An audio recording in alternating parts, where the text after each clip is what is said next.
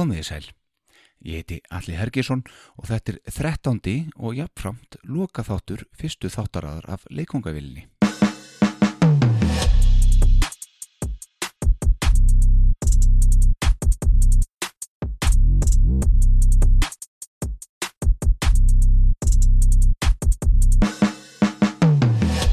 Í dag þá hittum við frábæran trommuleikara sem lagði þó kjöðana á snerilinn um tíma og gerðist eitt besti leikstjóri landsins. Það er Estri Adam Léttöl sem býður upp á leikungavillina. Þessi loka þáttur í fyrstu atrinu og fjallar um tónlistarfólk úr eigafyrði verður nokkur sjálfkverfur þessa vikuna. Málið er að hann er einn af mínum bestu vinum, gesturum minn í dag, en mér langaði þó að fá hann í þáttinn og var hugmyndin svo að fara með honum í gegnum örlítið uppgjör. Þegar ég segi uppgjör þá meina ég á þessum þáttum mínum og þá með hjálp hans. En það má segja að um tónlistarlegt uppgjör sé líka ræða. Okkar maður í dag er frábær og marg verðlunaður leikstjóri sem hefur gert frábærar bíómyndir, sjómastætti, stuttmyndir, tónlistarmyndbönd og heimildamindir svo eitthvað sé nefnt. En það er byllandi tónlist í honum líka. Okkar maður í dag heitir Baldvin Sofaníasson eða bara Baldvin Seta. Saga Baldvins í tónlistalögu samingi er svo náskild minni eigin að það er í raun ekki nein leið til þess að fjalla það. En það er engin ástæði til. Hér förum við yfir hvernig hann hóf ferilið sinn í tónlist og alveg fram til dagsins í dag. Í gegnum hljómsveitina Gimp sem síðar varð að tóima sín og við báðir störfuðum í og gerum enn. Við lögðum frá okkur hljóðfærinum tíma en höfum verið að spila nokkuð óreglulega þó upp á síðkastið saman og sem hljómsveit sjáum við blóm í haga. Við Baldvin höfum sem sagt brasað saman við þetta hljómsveitarbröld okkar í 23 ár og sjáum reyndar ekki enn fyrir endan á því. Þættir mínir í leikungavelinni hinga til eru búin að vera mikil skemmtun og fráleikur fyrir mig og vonandi ykkur flest. Þessir fyrstu þættir áttu í upphafi að verða alls 15 talsins, en við endum í hapatölunni 13.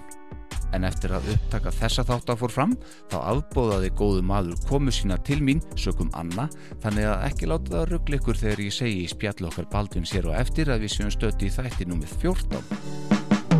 Shit happens.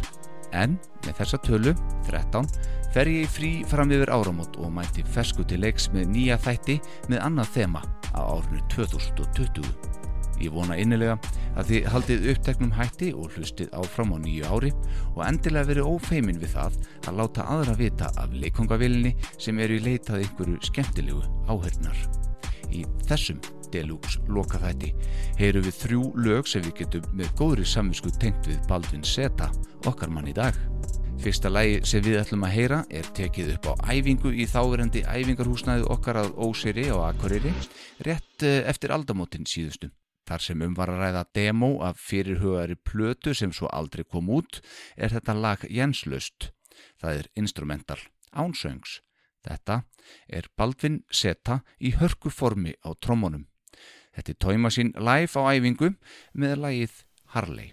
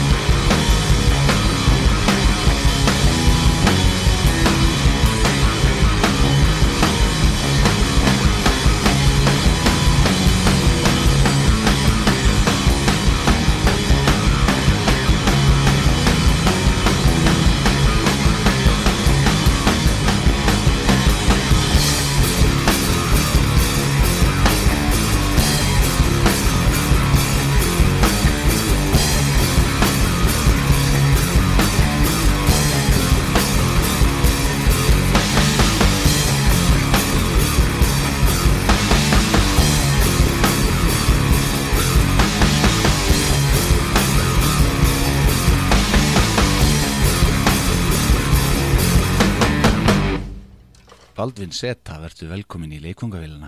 Takk fyrir það. Þetta er svona ákveðin tímamót hjá mér. Já, Þetta er uh, lokaþáttur í þessari serju. Og eins og ég sagði aðan, þá hérna er hann svona sjálfhverfur. einmitt. Passar vel við þig. Já, takk. ég er búin að þekkja flesta, ekki alla, en flesta viðmælundum mína í þessum þáttum. Já, Og hérna, og, og mér smíkir reyndar. mm En ég þekki þig á nefa best af þeim öllum. já, Og þinn feril í tónlist. já, og hérna en podcast er þannig að þeir sem hlusta eru þeir sem kveikja. Mm þannig að þeir sem er að hlusta okkur núna þeir nenn að hlusta, það er nákvæmlega þannig. akkurat, þannig velkomin Takk fyrir. hérna uppgjör sagði ég, þú ætlar að hjálpa mér með það. Þú er búin að hlusta á eitthvað á þessu þáttum. Já, flest alla. já, þetta átti að vera 15 þættir. Já, og hérna þú ert reyndar 14. já, Uh, ég ætla ekki að nefna neinu upp nei, en ég á 15. til. Já, en viðkomandi, viðmælandi já, ringdi í mig eftir að upptökulaug og hætti við. Já, já, það gerist líka. já, Mm. hann, eh, sem sagt, það var hann, ég skal segja það. Mm uh, hann sem sagt uh, hún varst hann ekki koma nógu vel út úr þessu svona að fara að hugsa málið. Nei, og þar að leiðandi þurfti ég að eyða þettinum kannski ger ég það líka. Já. einmitt, kannski, Já, en skal ég segja þér uh, þú ert nú líka búin að vera svolítið gaggrindi minn í þessu, já, þú ert búin að gaggrina hvað ég með fáar konur og uh, já, ímislegt bara talandan og alls konar hluti sem, þú veist, ég var ekki fíl í byrjun og hérna, sendir alls konar uh, nótur Heitmeil. um það. já, Og þú svaraði mig bara tilbaka, herru, takk fyrir þetta, en ég hlusta ekki neitt af þessu og, og helst áfram, sko. já, Þannig að, Einmitt. en þetta eru góðu þettir hjá þess já, takk fyrir. Já. takk innlega fyrir. En hérna af þeim sem að ég þó, ég sagði engin nei, aldrei Nei, um að koma í þáttinn. Og þeir svo stundum bara menn fá flensu og þeir komast ekki og allavega. Hana þannig að eh, þau sem að voru búin að segja já og við mistum af að einhverjum orsökum var Kristján Edelstein legend, mm -hmm. Freyrik Ómar. Mm uh, Sigrún Stella. Já, Gunnar Sigurbjörnsson, hljóðmaður. Já, uh, Villi Naglbítur. Mm og Raggi Sót. Þetta er ekkert smá hópur. Já, þetta er góð hrópur Já. En ég, við erum búin að hitta Jónbæða Brainpolis, við erum búin að hi- hitta Fúsa Óttas, barafloknum Val Kvandal í Kvandalsbræðrum og Amma auðvitað á fleiri böndum. Mm -hmm. Heiðar Inga Svansson uh, Ernur Rönn og Rökkvald Gáfaða Benna Brynleifs Trausta Haralds Inga Tryggva Kalla Örvars Ditta Ísfeld og svo Kitta Ingimars og svo þig. Þetta er góður hópi líka. Já, maður er bara honored Já, að vera að tala upp í þessari grúpu. já er það ekki? Jú, Algjörlega.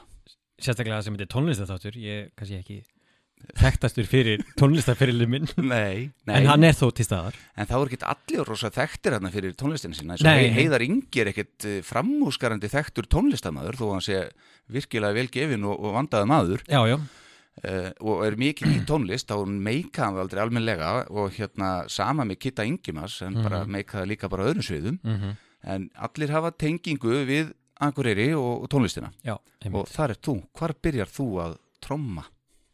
Eh, sko, það finna er að ég byrja ekki á því að tromma.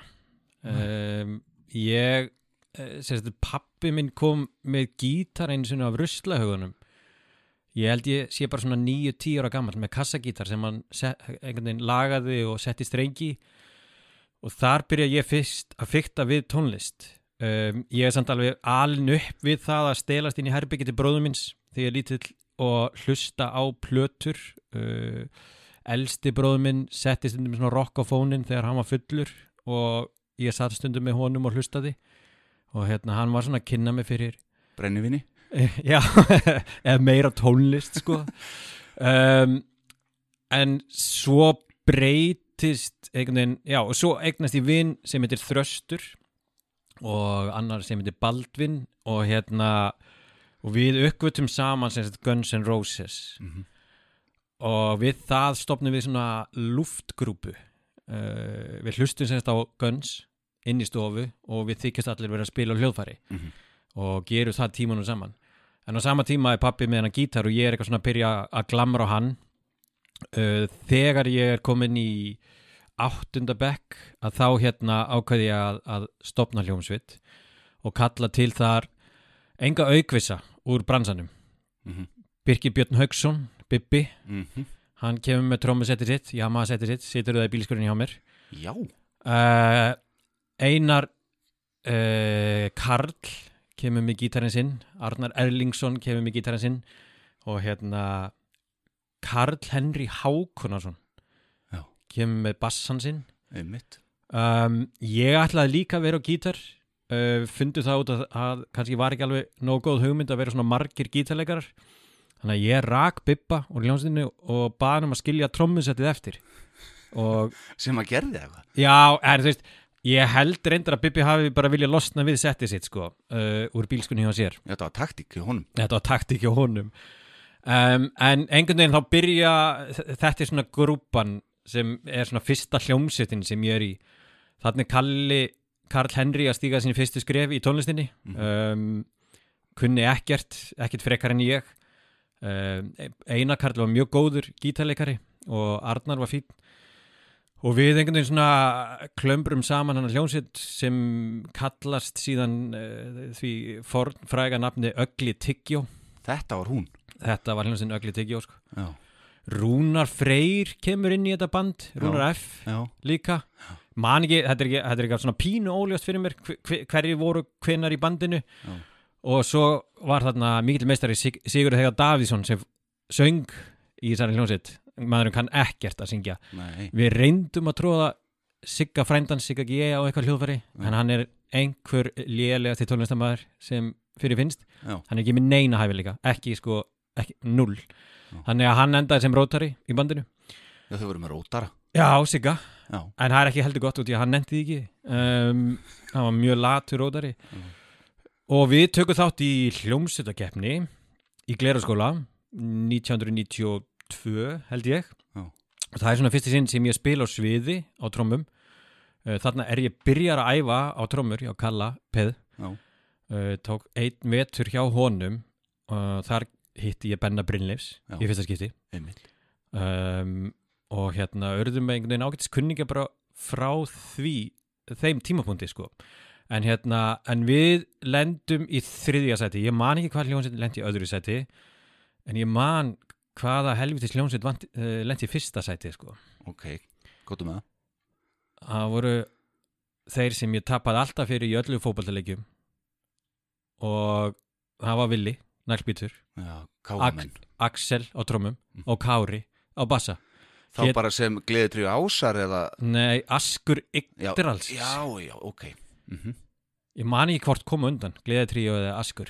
Ég held að það hafi verið ásar fyrst. Já, en þarna hétur allan Askur. Já. Þeir tóku lag með bítlunum Já, þeir voru náttúrulega svipum aldrei við á þessu tíma, ég man alltaf eftir þeim líka. Já, já, og þeir voru bara góðir og, já þeir voru góðir. Og svona aðeins skrifið og undan Mörgum skrifu Já, þetta, þetta var aldrei, þetta var no-brainer sko. Mhm. Ógeðslega flottir. Já, gáðið kassetu? Já, sem var bara góð líka? Sem var líka bara góð.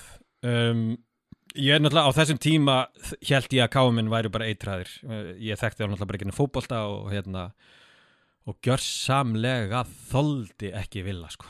Nei, hann bara, hann var bara fullkominn. Hann gætt sungið, spila á gítar geggja góður í fótbolta og handbolta alveg sko, sætur. Sætur he had it all en þetta er lega, hann veit þetta, ég er búin að segja náma þetta Já, þurftur ekki að segja hann það heldur. Nei, nei. Um, Já, talandi um það, það er líka hérna, Axel Flex, hann er á listanum yfir þá sem ætluðu að koma sko. Já, einmitt, einmitt. En sorry. Já.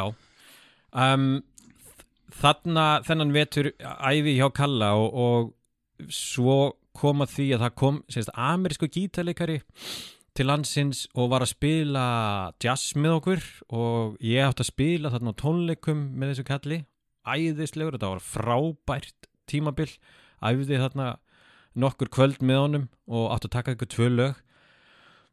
Uh, en sviðskrekkurum fórum með mig og ég hætti í skólanum. Fyrir tónleika? Já, Já, og kúplaði múturhúsi ég meikaði þetta ekki. Eftir ár hjá Kalla Peðursen eftir ár hjá Kallapiðisin uh, sem var frábært tími. Og hérna um, og svo einhvern veginn bara svona eftir það þá uh, fer ég í annað band í mentaskólanum á Akureyri Já. sem hétt Seattle Ecstasy Já. Já, þáðu það Ég, ég hef aldrei heyrti segja þetta Nei, nei Og Oft talaði um ögli tyggjó sko Já, en Seattle Ecstasy var náttúrulega sko algjört landsliðsband um, uh, Jónsi í svörtum fötum mm -hmm. var söngvari Já.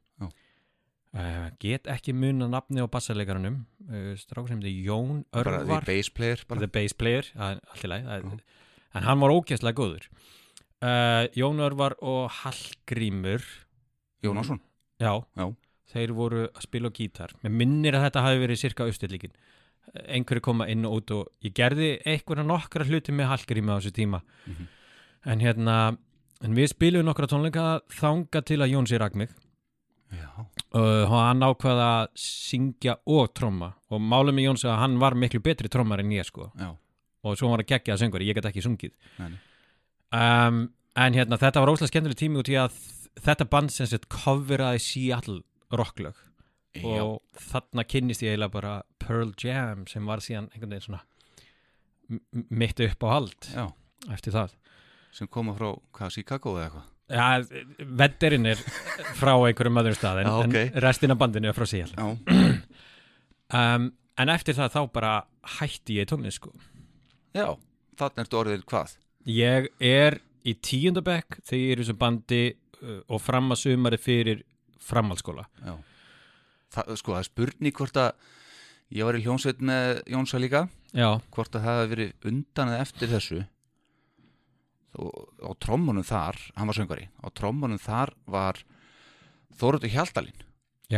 eftir því. fótboltadómari Já, ég man eftir honum á trómum. og Haukur Bergmann heitir hann, hann býr í Kanada í dag Já, ég held að held. fluttur heim. Já, að bjóðar, já, hann var gítar já. ég var að passa hann, og yngri en þeir aðeins og Jónsi söng já, ég gæti ekkert hann Nei, Nei, en ok, en spiluðu Seattle uh, Ecstasy. Ecstasy? Já, þetta er svo mikið rock þetta er hefur og... spiluðu þeir eitthvað ofnbærlega á svona? Já, við spiluðum sérst einhverju sundlögapartí upp í Akurásundlög. já, Uh, ég er með einhverja svona mjög óljósar minningar af þessu gigi en þetta gig var allavega og við spilum allavega spilum Are You Gonna Go My Way með Lenny Kravitz og svo eitthvað með Alice in Chains líka.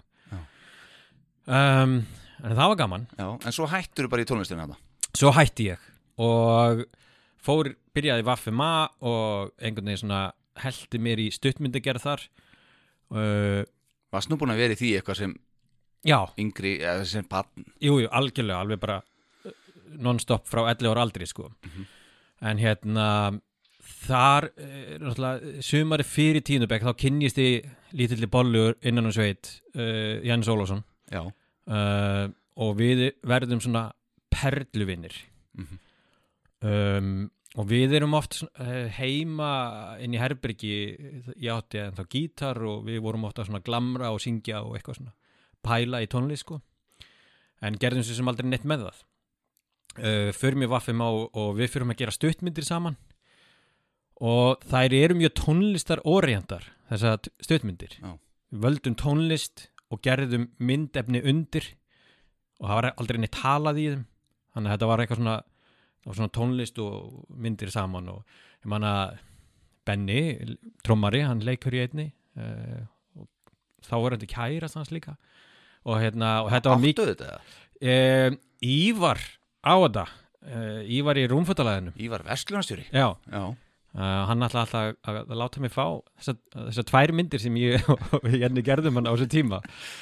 Um, þetta eh, var skemmtilegt og við síndum þetta í Vafima og, og ég man þegar við síndum setni myndina þá hérna var eitthvað svona beðinu um það að ég myndi ekki sína fleiri svona myndir uh, ofinberilega þetta þótti ekki við hæfi og skólaðu vildi ekki hræst með þetta og var eitulif og eitthvað svona Þetta var mikil, þetta var mikla eitthvað svona, þetta voru ofbeldispælingar, miklar, já. en þetta voru bara eitthvað svona vangaveltur um ofbeldi, en hérna, en það sem ég var skemmtilegast við þetta var þetta, þú veist, að blanda þessari tónlið saman við og, og hérna, þetta var aldrei eitthvað svona leikið með talital, sko.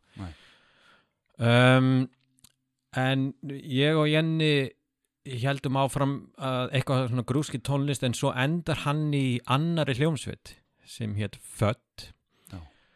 og er þar í bandi með Kristjáni Eli Örnólsinni og, og Elmari hérna, Elmari Rauða eins og hann var kallaður þá. Steindorsson kom það. Já.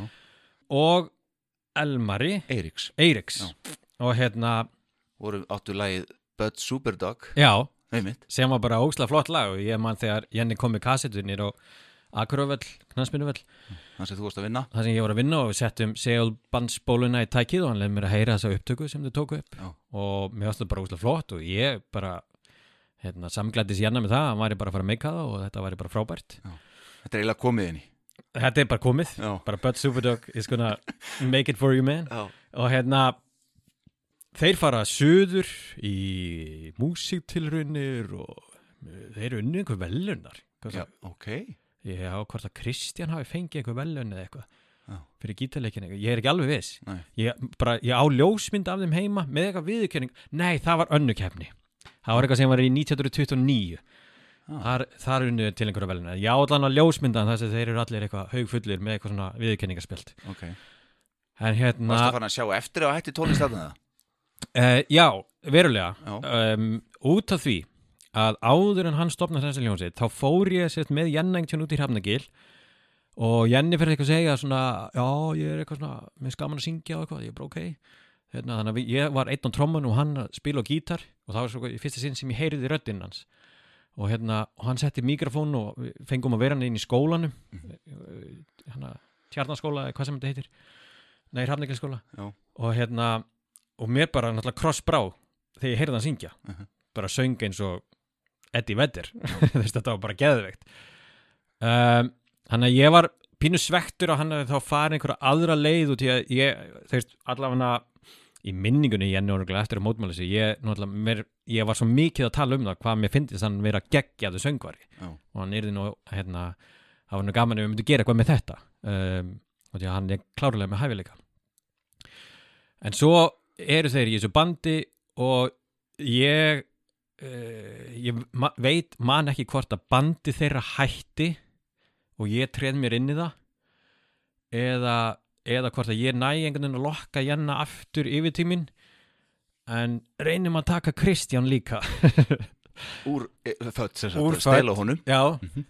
og við fórum í æfingahúsna hjá Fött og heldum fyrstu æfinguna að ég notaði trommusetta þess Elmars á fyrstu æfingunni. Já, um, og það var ógeðslega gaman uh, og þarna komaði bara uh, allt aftur og, og bara áhugin bara sprakk og, hérna, og við sömdum alveg bara fyrstu tvö lögin okkar á fyrstu æfingunni og það, við bara smullu saman eh, eða bara eins og við hefum aldrei gert neitt annað áður sko Mhm. og uh, þá kom að leitinni miklu sko Já. finna the bass player en áðum koma því Já. Hvað hétt född ekki best fyrir líka? nei, best fyrir annað. Það er annað. Já, það er Binni Davíðs Já, og Elmar Eiríks og Elmar Steindós já, og Kristján uh, en uh, þú veist, það er eiginlega bara Binni Davíðs. Já, já, inn og út sko ok.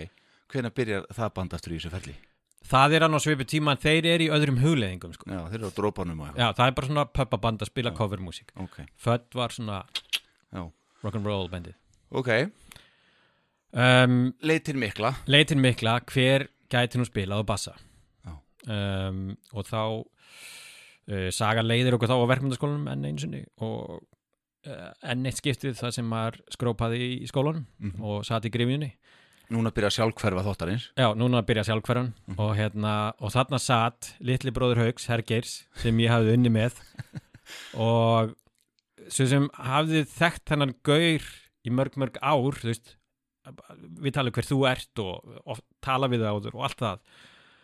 En hérna einhverju litur vegna líkaði ekkert eitthvað, ég var ekkert eitthvað spenntur fyrir þér sko, Nei, en hérna en við sem var í bassaleikari og, og ég spurði eitthvað hérna og spyrja þennan gaur hérna og hérna þú komst á æfingu um kvöldið Já.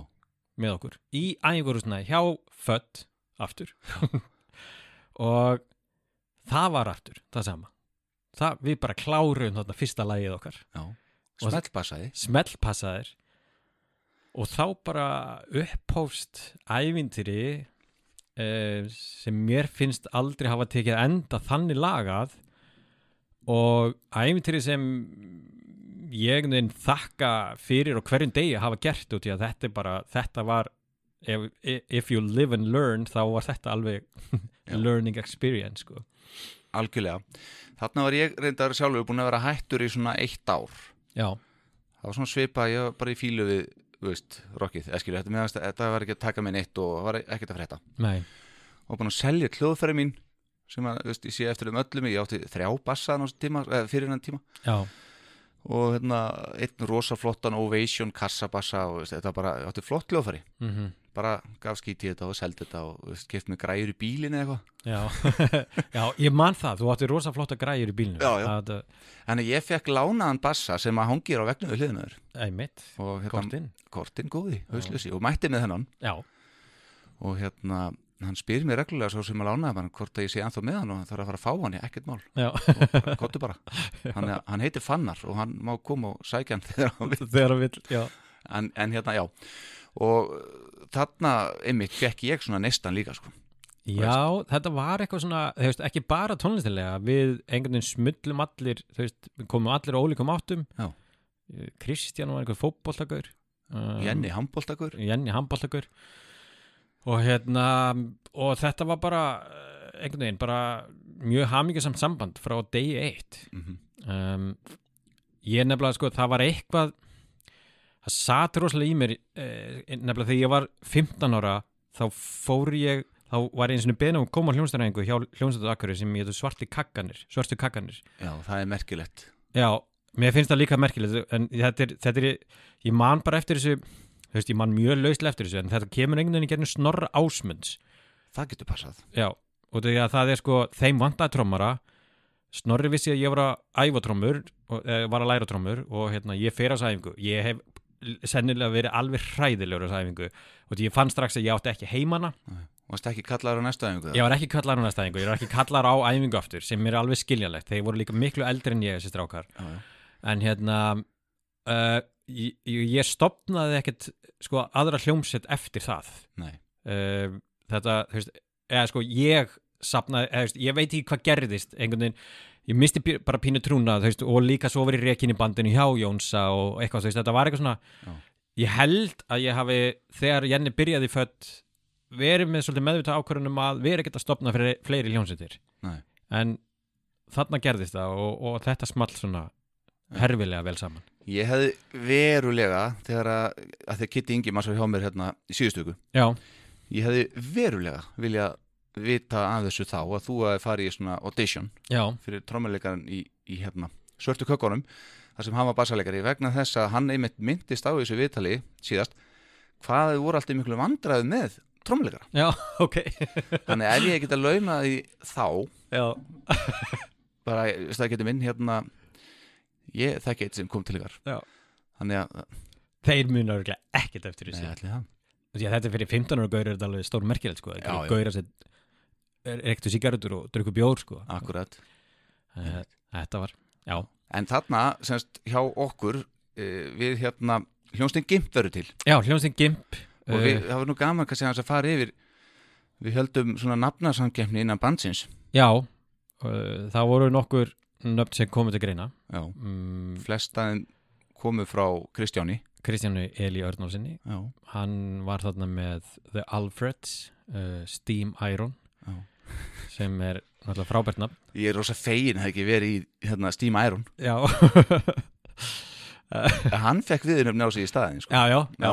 hann fekk uh, hvað var meira, það mannst það Nei, ég manna nú reyndir ekki um, ég man bara að Kristján kom með helling sko. Já, hann er, hann er sniður strákur Enda ótrúlega hæfileikar ykkur tónlistamæður hver kom með Gimp? Ég manna það ekki þetta var allan að, veist, Pulp Fiction var nokkuð ný og Já, já. svona, veist, Já, það þú kemur úr því. en hver kom með nafni á, ég man það ekki alveg. Það hefur verið Kristján eða hvað? Ég man bara Óli bróður minn sem trúir mjög mikið á Jésu hann sagði að þetta væri skamstöðum fyrir God in Mighty Power og ég bara trúði því. Já. Við værum hana á Guðs vegum í þessu bandi. En þetta, sko, það sem er eiginlega ógeðslega fyndið við þetta band er að uh, og þetta tímabil Mhm. Við byrjum í oktober 96 uh, 96 uh, í februar 97 erum við bara mættir í stúdíó Já. og við erum bara mættir í stúdíó og taka upp plötu og við basically vorum bara að fara að sigra heiminn Já. og hérna Hail Bob, halastjarnan Mhm. hún lá þarna í loftinu þetta það var eitthvað það var eitthvað trúasöfnur hana sem framdi hóp sjálfsmorð út af þessar halastjarnu Mhm. mann ég en við gengum þannig gegnum stúdíó og vorum þannig hvað hétt þetta aftur? það sem vestmiðunur eru á Akureyri. Já, bara hérna Glerártorg eða það, Glerártorg. veist, Já, já og það voru hann að mistarannir e, e, wow. Siggi Helgi, Siggi Helgi og, Johnny King. Já, og, og Jón Borgar kallaður. Já, Jón Borgar. Er það ekki einhverju sem að jú, voru á bakvið þetta stúdíó eða? jú en hver tók, var ekki Kitty sem tók ykkur upp? Nei, hvað hétt hann sem tók ykkur Nei, upp? Gústi. Og, Gústi, Gústi, Guðsmaður líka. Já, og Óli bróðinn já, Var það ekki það? Akkur, nei. Býttu, hæ? já, ég man, Plötuna? já. Hver? hver, Því, að- sko, já.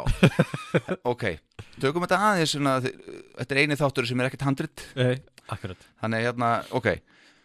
Uh, Við semjum helmingin af plötunni. Já, og það var allt gert í einhverju húsnaði móti hérna, gömlu lindu, hérna, hvað heitir gatan? Ég man þetta ekki, hérna. Já, þessi gamestofan er í dag. Já, mm, þeir eru ekki fluttir samt jú, e, jú, var, Já, akkurat einmitt. Ó, mér langs að veit hvað það heitir, það skiptir ekki máli. Sama gata og hjálpræðisirnir í. Já, Hvað sem þessi gata heitir. Já. Og svo fórum við bara í stúdíóið Tókum tókum helmingin helmingin Og fórum svo aftur í eitthvað annars húsnaði minni mig. Já, Tókum upp hinn helmingin Og tókum hann upp Nei, sömdum hinn helmingin Tókum hann upp Og svo bara komum plata. Svo bara komið plata. Crippled Plaything. Uh, já, uh, sem er tekið og texta frá Marley Mansson uh -huh. en hérna uh, Snorri Ásmunds og Alli Metal voru fengnið til að gera coverið. Mhm. þetta er bara landslismenn Já, um, og hérna og við gáum út þessa plötu. Og það, er, það var miklu meira kraftaverk á þessum árum að, að fá plast í hendunar sko en í dag en sko miklu meira. miklu meira, þetta var ótrúlegt. Uh, upptöku tæknin sem við tókum upp á var svona eins og eitthvað svona mislukkað millibils ástandi í upptöku tækni sko. Mm þetta var hræðilegt. Og hérna uh, hann er það sem við fórum með í mixingu til Kristján Edilstein hann gæti eiginlega ekkert átt við þetta á sinni tíma, þetta var alveg skellilegt en allavega, uh, svo fórum við bara til Reykjavíkur og, og fórum í ykkur viðtöl og eitthvað og, Já, já, og menn fjöllunum þetta í blöðunum. Já þegar plata var komin þegar plata var komin út.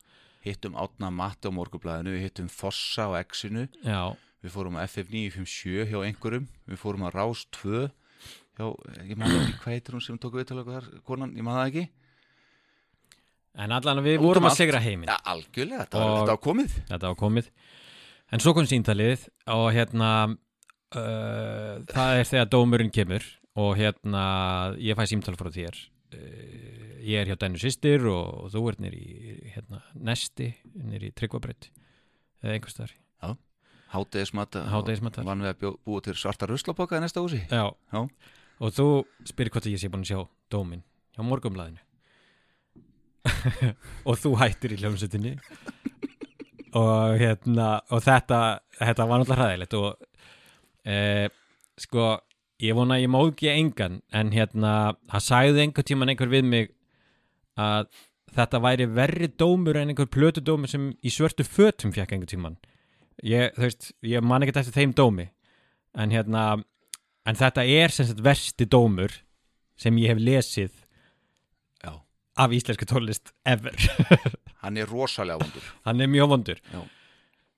en þessi Bara gaman kannski að hafa upplæstar á hann hérna í lokin fyrir þá sem ekki hafa heyrt sko. Já, getum aðeins gluggað í hann. Já, en við höfum líka lesið upp þennan dóm á tónleikum í dag og Já í, í setni árum. Setni ára, þetta er mjög skemmtilegt. maður er stoltur af þessu í dagarnefla sko, af því að Átni Matti er engin hann er engin bara nonni Jón sko. nei, nei, hann er ekki naukvissi Nei, þannig að þetta var alveg að komandi frá honum þá var þetta svo kallar reyðaslag já, ekki sem er að sagt en svo þau snúum okkur aðeins að Cripple Plaything plötunni já, sem geymir hérna 11 lög já, pluss eitthvað aukalag sem að, þú veist, í anda Nirvana sem átti að vera votöf já, finnir pjóli aftur já. með að hafa það. Nema það sem við gerðum, við höfum sikkort lægi í sikkort eiránu og átna maður það ekki fyndið. Nei, hann hafði ekki húmor fyrir því. En 11 lög og þau eru en mörg, það eru fína pælingar og flestar að þeim koma frá Kristjáni títnendum, gítarleikara. Já, og Jenna rita líka og, mhm, og svo eitthvað frá okkur tveimur skilur en, en svona mest af þessu kemur frá Kristjáni eitthvað sem er eitthvað varið í. Já, en, en þessi plata er ekki á Spotify og það er alveg ástæði fyrir því. Já, hver er ástæðan fyrir því?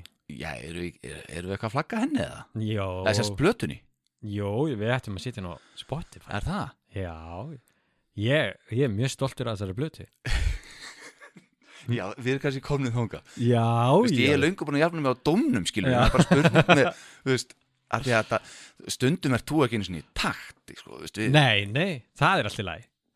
Já Og stundum bara er, er hlutunir ekki að passa saman sem ég er að gera við, við, sko, Kristján og, og það er sko mér að kenna sko. Já, minna, en þú veist, það var hana eitt lag sem fekk spilun uh, hérna í Reykjavík uh, hérna, pff, mann ekkert hvað Ain't heitir. got you Ain't Got You og hérna, þannig að við fengum einhverja smá spilun á, á útastöðum um, en uh, við fylgdum henni aðeins eftir ég manna við komum inn til Reykjavíkur og spilum einhverja tónleika minna á 17. júni og vorum, uh, manna þarna hittu við strákana í mínus í fyrsta skipti, héttu nú eitthvað annað þá, Spitsign eða eitthvað. Og hérna, maður var með mikla minnumáttu kent, einhvern veginn svona gagvart þessum reykvískum böndum sko. Endalega átti maður ekkert breyk Nei, nei, ekki þannig sko. Þú veist, að fara Þetta var bara, maður var svona pínu second class eitthvað að koma frá Akureyri og ætla að fara inn í þennan bransa hérna fyrir sunnun eitthvað, þetta var bara þannig. Já, já, að eflaug sko. einhverju leiti skilur við, kannski bara- mikið haustum okkur. Ég held að þetta hafi verið bara allt í haustum okkur sko. Þú veist, vorum bara allir eitthvað svona með einhverjum minnum að kennt sko. Um, En svo áttu við nefnilega að fara á túr í Danmörku og áttum að spila þar á einhverju giggum og hérna og það varði ekkert úr því gæinn sem átt að skipilega geta, hann var bara fullur og eitthvað og við vorum bara að senda grænar út og þetta var eitthvað algjört vesinn og sendum þetta allt heim aftur og Já. komum með skotti heim á milli lappana einhvern veginn og, og þetta var einhvern veginn allt klúður en, en það sem ég kannski fyndið í þessari sögu að það voru uh, tveir kallar uh, Cesar og Svanur, bróður minn þeir eitthvað bara hætta á sjó til þess að gerast umbóðsmenn sem er alveg bara svona ég held að það sé örgulega eitt það merkilegasta við þessa hljónsveit það er hvað þeir voru ruglaður Já. og hérna og bara einhvern veginn fara á fullt að plana þetta um, alltaf koma sér plötu út. Eða er ekki það að koma sér plötu út. Hún alltaf gæti ekki gert neitt fyrir neitt sko þó Nei. þú bara myndi borga fyrir það. En hérna en þarna tökum við síðan bara fljótlega ákvörðin við förum aftur í stúdíu til Krissa tökum upp fjögur lög í einhverju svona við vorum á úlingsárunum þroskuðumst vola hratt þarna á þessu tíma. Mhm. tókum við fjögur lög ég með klikktrakk í fyrsta skipti spilaði lögin inn með klikktrakk og bara gekk ágætlega og hérna og þetta var einhvern veginn miklu vandaðara og, og við vorum augljóslega að taka eitthvað skref upp á við. Fóru síðan í hérna tilrunastúdíu og trausta Haralds líka og tókum upp þar. Og hérna trausti nú mikil snillingur en, en útkoman úr þeim upptökum ég man að við vorum ekkert eitthvað rosalega hressir með þetta eftir á sko. En, en pælingarna hjá honum voru óslega skemmtilegar. Já. en soundið á sig var heavy crappy sko. Megnið af þessum lögum sem tókum upp í að trausta tókuðu samt upp grunna sjálfur á æfingu á Já, við fjara rása kassetu upptökutæki já, algjörlega. Þannig að kannski skýrið það sándið einhver liti. Eflaust sko, þú veist, ekki beint bestu hljómgæðin sko. Nei. En hérna ánum við höldum áfram. Já, Við heyrðum í upphæfinu já, Við glindum eiginlega að tala um það þannig áðan hérna, þegar við byrjum já, Þá heyrðum við lag sem var nú tekið upp bara á æfingu live á æfingu já, með tóimasín sem ber vinnuheitið allavega Harley. Já, instrumentala því að vanta bara söngin hans Jenna þarna á. Já, já, tekið upp fyrir all mörgum árum síðan sem svona demo fyrir plötuútgáfu. Mhm, og hérna þú ert alveg einstaklega færum höndum um settið í þessu lagi. Já, mjög gott en hérna núna skulum við heyra lag. Já. brjótum hennar þátt svolítið vel upp. Og var að velta fyrir mig hvort þú vilja heyra lag sem við tókum upp í á trösta eins og lag sem heitir Sweet June. Já, eða hvort við höfum að heyra lag úr þessu session hjá Kristján Edlistan sem við tekið upp ári eftir plötuna.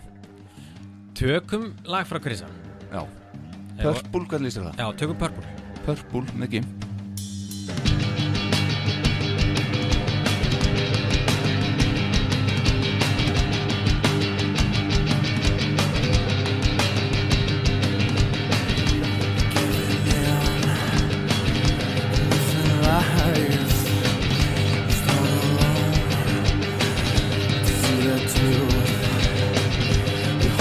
face. I feel the pain. It's your face. At all. But in your dreams, I've seen you smile again. Every night you're turning out to what you like. A battle thing into the darkness of dreams. A battle thing into the darkness of my dreams.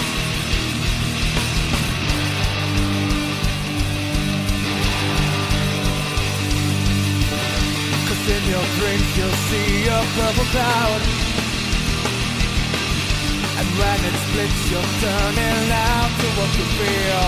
A battle straying through the darkness of dreams battle straying through the darkness of my dreams Needless things, there's so to feel so much to dream through that burning eyes. I see in your face, I know your name. You feel disgrace, the tongue still hanging out. Feel the things, so much to feel, so much to dream through that burning eyes. I see in your face,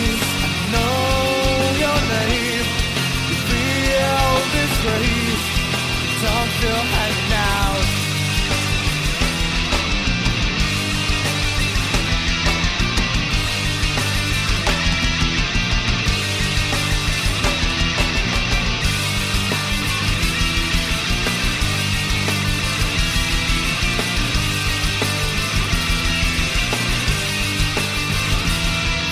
Gone, you get no peace of mind. Your eyes burned in, you've got your hand to feel the pain. I felt so straying through the darkness of dream. I felt so straying through the darkness of my dream. Near the things, so much to feel, it's so much to dream. Through that burning night, I see in your face, I know your name. You feel this grace, come to hang out. See in your face, I know your name. You feel this grace, come to hanging out. Come to hanging out. Come to hanging out.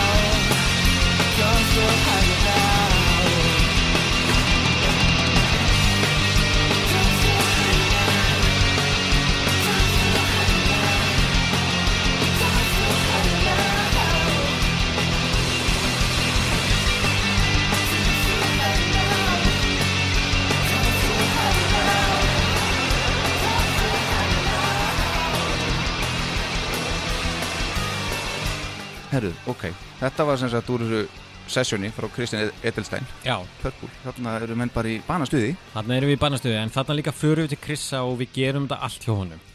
Tökum upp og, og hann er meiri segja pródúsera með okkur og, og það er alltaf bara var geggjað að fá að vinna með svona gæja. Um, hann hafði líka óbúslega mikla þólimaði gagvart mér út í að ég var að gera þetta í fyrsta skipti með, með klikktrakki og hann eitti miklu tími að búa til klikktrakkin fyrir mig svo ég gæti spila með þeim sko og hérna þannig að ég er rosalega stoltur af þessu, þessu sessjóni sko. Mér finnst það ógslag flott hjá okkur. Samála því. Um, Þarna, í þessu lagi sem við heyrðum á hann já, Þetta er fyrsta og eina lagið sem við höfum nokkuð tíman tekið upp þar sem kemur fyrir kassagítar já. Það er, nei, Spider Eyes. Já, á er Grateful Plaything já, Það er kassagítar, er kassagítar í byrjunu þar? já. Já Já, þetta er semst annað lagi sem að akkurat. Það var ekki mikið kassagítar hjá okkur samt, Nei, nei. Já, En ég man alveg að veist við, sko þegar vorum að ræ... þetta var eitthvað svona inspiration frá Marilyn Manson uh, þetta kassagítar dæmið hana uh, úr einhverju lægi, ég man að við rættum þetta mikið. Já, en þetta var, uh, mér finnst þetta skemmtilegu tími líka út í að þegar hljómsveitir að sko mótast, svona, veist, við erum ennþá einhvern veginn að reyna að finna hvar við viljum vera og við erum að stíga í allar áttir og þetta voru fjögur lög, þeir eru öll gjör ólíka sér lög. Um, þú veist, ég samt ekki mikið en ég, ég man að ég satt mikið með stjána í útsetningum og líka bara svona struktúrum og þannig pælingum. Um, og því að þú veist uh, sko, ég, veist, ég fattaði ekkert fyrir miklu, miklu, miklu, set, miklu setna að ég hugsa bíóið og kvikmyndinar bara eins og ég hugsa tónlist. Og ég, veist, ég vel með lög á þenni byrja að skrifa handritin til að hlusta á meðan ég er að skrifa tónlistin, tónlist bara gerir alltaf svo ógeðslega mikið. Já. og ég læriði svolítið að struktúra og að nota bítið bítið er náttúrulega bara grunnurinn af öllu. Uh, bít skiptir óslega miklu máli í kvikmyndagerð. Bara hvernig er takturinn í myndinni hvernig er bítið í atriðin og allt þetta. Já. þannig að allt þetta ferli sem við fórum í gernum í tónlistinni og útsetningar og upptökur það hefur gagnast mér bara alveg bara út lífið sko. Þetta, er frábær tíma og við læriðum mikið ég læriði mikið af Kristjáni uh, Edelstein. Einmitt. En þarna eftir þetta gig þá fann ég það alveg og ég man alveg eftir ég að veist, við vorum einhvern veginn, við vorum að komast á nýjan stað í lífinu, við vorum að uppgöta ný bönd um, og ég held að aðal slísið hafi verið þegar við heyriðum í fyrsta skipti í þeim hérna allsýringum System of a Down. System of a Down. Ég held að, ég held að það hafi breytt svolítið miklu. Já, þið rock kom með þetta? Já sko, hann bara var með þetta kassettu sem hann, einhver demo frá System of a Down sem hann kefti bara á götunni einhvers þar í New York eða eitthvað sko, veist, akkurat. Löngu á hann þetta kemur hérna til landsins. Og þá einhvern veginn og þú veist, sko, nota bene með Gimp við náttúrulega túruðum þarna uh, hver, hver einstu helgi og hituðum upp fyrir hljómsýtturum og allt til að bara losna við síðskrekkin og læra að spila á tónleikum og, Já, já, og hérna vorum fyrsta bandi sem var að covera Rage Against the Machine í mörg ár sko Já. og gera það á böllum. Það þótti bara svolítið merkilegt á þessu tíma. Já, skemmtilegt. Það var mjög gaman. Ídölum. Já, það var alltaf allt crazy þegar við tókum þetta lag. Mm. En svo bara eitthvað fenguðu nóg því að vera í þessu coveri og, og þessu, þessari tónlist og, og við fundum að okkur langaði til að taka eitt skrifi viðbót. Og hérna okkur langaði til að breytum tónlist og okkur langaði til að breytum meira að bæta við mannskap og, og hugmyndin var svona að færast inn í þetta sem var svona að slá í gegn. Þetta er eh, sumari 98 að fara út í þetta svona alternative rock. Við vildum fara að öskra meira og, og láta í okkur heyra. Einmitt. Og hérna og ég man mjög vel eftir þessum fundi upp á hérna góða datanum. Já, það ætla að segja góða dáta, ég man líka eftir hún Hljómsveitafundur. Hljómsveitafundur, bjór. Já. ég satt þarna var með tóima sín húi sem er fatamerki. Sem er fatamerki. Og hérna okkur fannst það bara príðileg hugmynd að við myndum bara skýra bandið tóima sín. Já. Og sko, þú veist, það er fullt af fólki fatna nú þegar. Já, einmitt, við þurfum ekki að búa neitt til neitt varning. Já, þetta er svo heita lífæs bara eitthvað. Já, þú veist, þáttur þinn myndi bara heita prump og skítur ef að við höfum ekki síst Já, akkurat, leikongaviljinn til að kemur frá tóima sín. Já, já, Það er ekki að margi sem er búin að átta sig á því og kannski ykkur jú, jú, ha, jú, já, kannski ekki. En hérna, og við förum að fikra okkur inn í þennan heim Já. tónlistar. Mhm. og, og ég, Manstu eftir einhverjum fleiri nöfnum sem komu upp þarna sko? Nei. Nei, Þetta var ekki minn, eftirminnlegt eins og gimp hérna kostningin sko. Um, En þetta var Við vorum alveg klárið að byrja að fykta við þessa tónlist á þessum tíma áður við breyttum nafninu. Og vorum alveg farin að semja tónlist í þessa átt. En Til dæmis, það er lag á Cripple Plaything títnefndri sem heitir Bitter já, og við vorum búin að þingja það og búið til Bitter 2 sem við tókum upp í sama reynsli þarna með þetta hjá Kristjáni Já, já. Það voru svolítið þungt. Það var alveg tónt En svo kom þriðja útgáfna að því. Já, í sömu samarenslu og gerðum Harley akkurat. sem við heyrðum aðan. En hérna uh, þetta band uh, tóima sem bæti síðan við sig honum Átna Elliot og þarna var gríðalit tíska að vera með DJ í hljónstinni Já, já. og hann var að skratsa og gera svona og hérna skriðileg tíska, hverju voru að þessu? uh, Limp Limbis Bizkit. Náttúrulega. Startaði þessu eða þú veist allavega svona í minningunni hjá okkur. Já, og svo var eitthvað Linkin Park og eitthvað veist, en þeir reynda að koma setna sko. Já. En En ég hérna, man eftir Limp Bizkit var orðið eitthvað þengja okkur, okkur varst það kúl. Já. Hugsaði, það það fund, fundist það eins og kúl. Já, En ok, já. Já. Um, og við spilum tónleika á Rennivestæðinu uh, það sem við tókum öll þessi nýju lög og það fjall rosalega vel í kramið uh, og við fundum að þetta var það sem við vildum gera sko. Já. það var klárt mál. Þannig að við bara unnum eins og skeppnur æfðum og æfðum og æfðum. Og ég meira að segja, ég man að ég fór í trommuþjálfun hjá Haug Pálma til að ná betri tökum á hvernig hlutum og Já, það, já, já, já. ok. Hann var að koma og hitta mig one-on-one session hann og ég ég ætlaði að koma mér í alveg hefði gott form sko. Já. og hérna, Núna getur þú bara að segja hann á YouTube, hann er með svona kennsluvídeó á já, já, YouTube. já, já. Hann er illa góður sko. Já, já. um, En það var ekkert internet í þessa daga. Nei, nei, heldur betur ekki. Eða sko, jú, það var internet. Já, já, en hérna, uh, Svani bróðir downloadaði einu svona lægi yfir heila nótt sagði Já. mér frá því daginn eftir. Tók bara heila nótt, enga stund. En hérna um, og við spilum uh, um verslumanna helgina við höfum sem spilum um verslumanna helgina sem GIMP uh, með 200 snakkbítum fyrir 40 manns. Og svo spilum við verslumanna helgina eftir fyrir fulla káahöll hittum við fyrir skítamóral sem tóima sín. Já, það var styrlað já, það gerðum allt crazy. Já. og hérna og okkur leið mjög vel í þessu og hérna og vorum eiginlega svolítið ákveðnir í að koma okkur út og okkur fannst við náttúrulega vera bara rockstjörnur og fann að hafa okkur svolítið sem slíkir. Já, og það er tekin ákvörðin að halda tónleik á Akureyri í mars 1999 já. Í sjalanum uh, En sko þarna, já, bara hold that thought sjálf En að því ég hitti Ditta hennum daginn í sníklamatinu já, um mitt Það var útgáfustjóri hjá skífunni. Mm -hmm. koma að sinna á þetta þar að því að hérna hann orða þetta svo vel sko bara ef að þið hefðuð bara haga, haga ekkur þannig að skona, hvað sann, hugsað meðfram jörðinni? Já.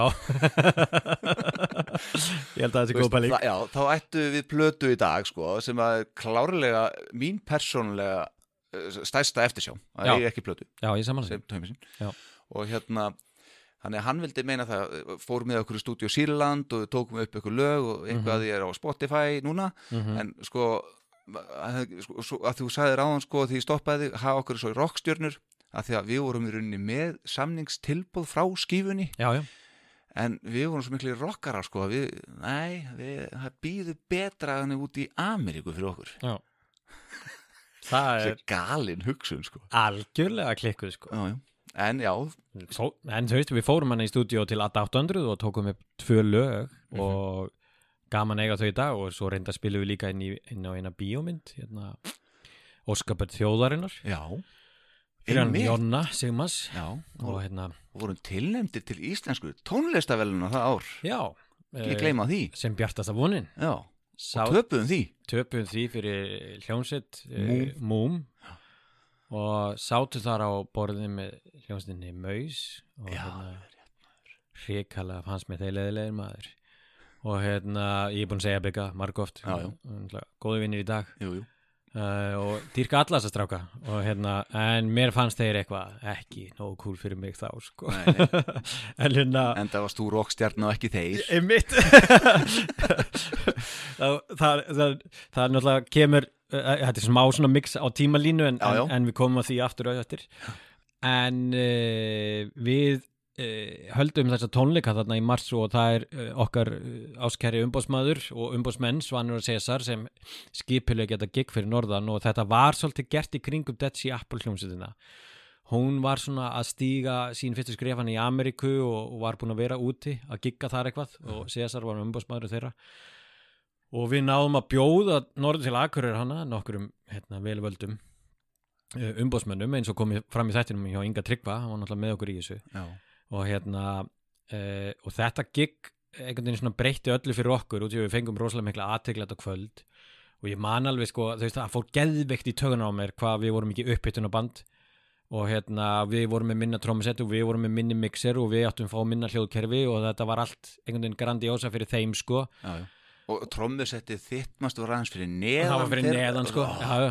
og ég, ég og Steinar erum oft búin að hlæja af þessu Já. og hérna í dag en, og við máttum fá 20 mínútur en við spiluðum þar í 50 mínútur og við náttúrulega bara rebelumast í gegnum þetta og allir þessi gæjar eru kvikmyndabræðsmannu bara með þér í dag já, erum góði vinnur Hannesar og, og Steinars já, já. Þannig að við vildum láta ljósa okkar skína og, og okkur tókst það ágætlega en einhvern veginn úr þessu verður uh, verður þetta erveifstæmi til og hérna uh, út frá líka giggi sem hérna, þeir voru að fara að halda göss-göss og þetta er einhvern veginn saminað og þetta er löng og flókin saga allt saman.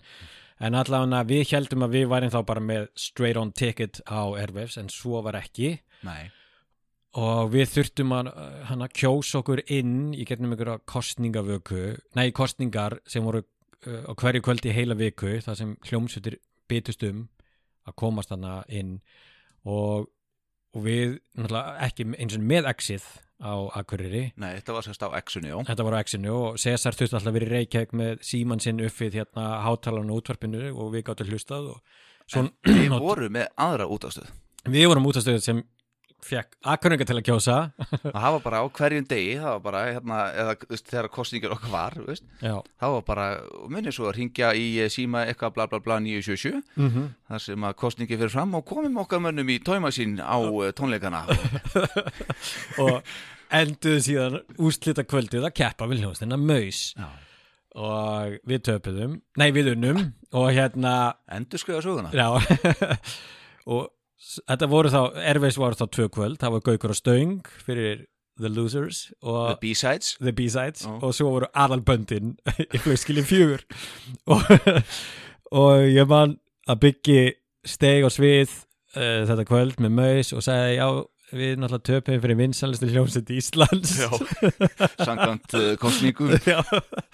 mikil hróki og, og kaltæðni mikil kalt henni Já. um, en hérna en það var alveg eins með þetta erfiðskvöld. Uh, við náðum að hrífa rosalega marga þetta kvöld og, og ef maður skoðar á tímarit.is bladagreinar um þetta þá er uh, oft skrifað um að hérna, við höfum svolítið bara svona óna þetta kvöld sko.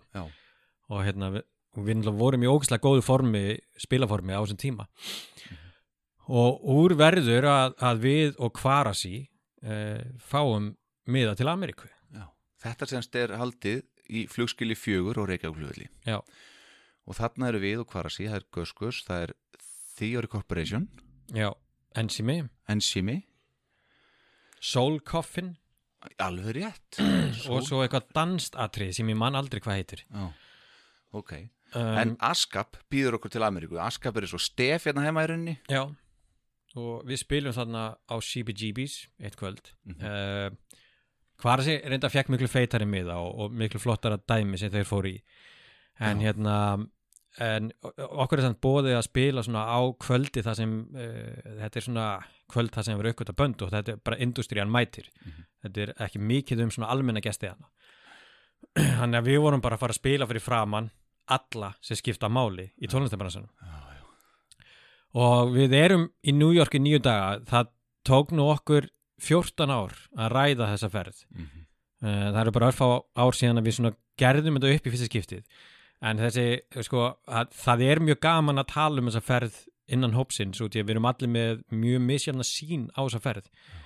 En ég man að þá, sko, þetta var, þetta var svo mikið klúður og mikið fuck up, sko, allt saman en ógeðslega skemmtilegt, þetta var ógeðslega skemmtilegt ferð, við djömmum mikið og við vorum alltaf bara vittlýsingar Já, já. og það held á okkur engin bönd og hérna stundum er ég bara þakkláttu fyrir að þetta var endurinn á upphafinu nei upphafið endurinnum hjá okkur og til að hérna ég veit ekki alveg hvert þetta hefði farið og til að við náttúrulega réðum ekki eitt við neitt einhvern veginn Nei, nei. um, bróður minn fekk tauga og fætt líka þessari ferð veist, þetta var bara uh, þetta var algjört rugl, þannig að við komum í mjög vondu ásinnkomunlagi á svið Já. á nýjunda kvöldinu sem við vorum hann úti Já. Var það níunda kvöldi, já já, Já. Og Og bara fórum við heim daginn eftir það við fórum heim Eh, Ekki eh, þú reyndar, Nei, ég var eftir, Svanur var eftir og Cesar var eftir. Umbúsmenninu og þú. Já, En hverju voru hana? Það voru við bandið, við erum fimm. Ingi Tryggva fór, við rættum þetta þess að Ingi Tryggva var í þættinum hjá mér og já, já. það var eitthvað Trausti Björgvins hann var sem PR maður eitthvað. Trausti Björgvins var sem hljóðmaður á, og sviðsmaður á svo Gunnari Sigurbissinni sem fór sem hljóðmaður. Já, og hann er eiginlega svona já, hann er með limur í bandinu. Já, já, ég leiði mér að segja það og hann segir það sjálfur reyndar. Já, já hann er Og- 50 bítillinn, sko. Já, akkurat og sennilega sá mikilvægasti. Ja, Bara algjörlega, það, það er hérna a- alltaf þegar við komum til Reykjavíkur eftir við byrjum að spila sér tóima sín í Reykjavík, vorum að koma hérna þá, við vorum alveg farin að safna fanbase á þeim tíma. Já.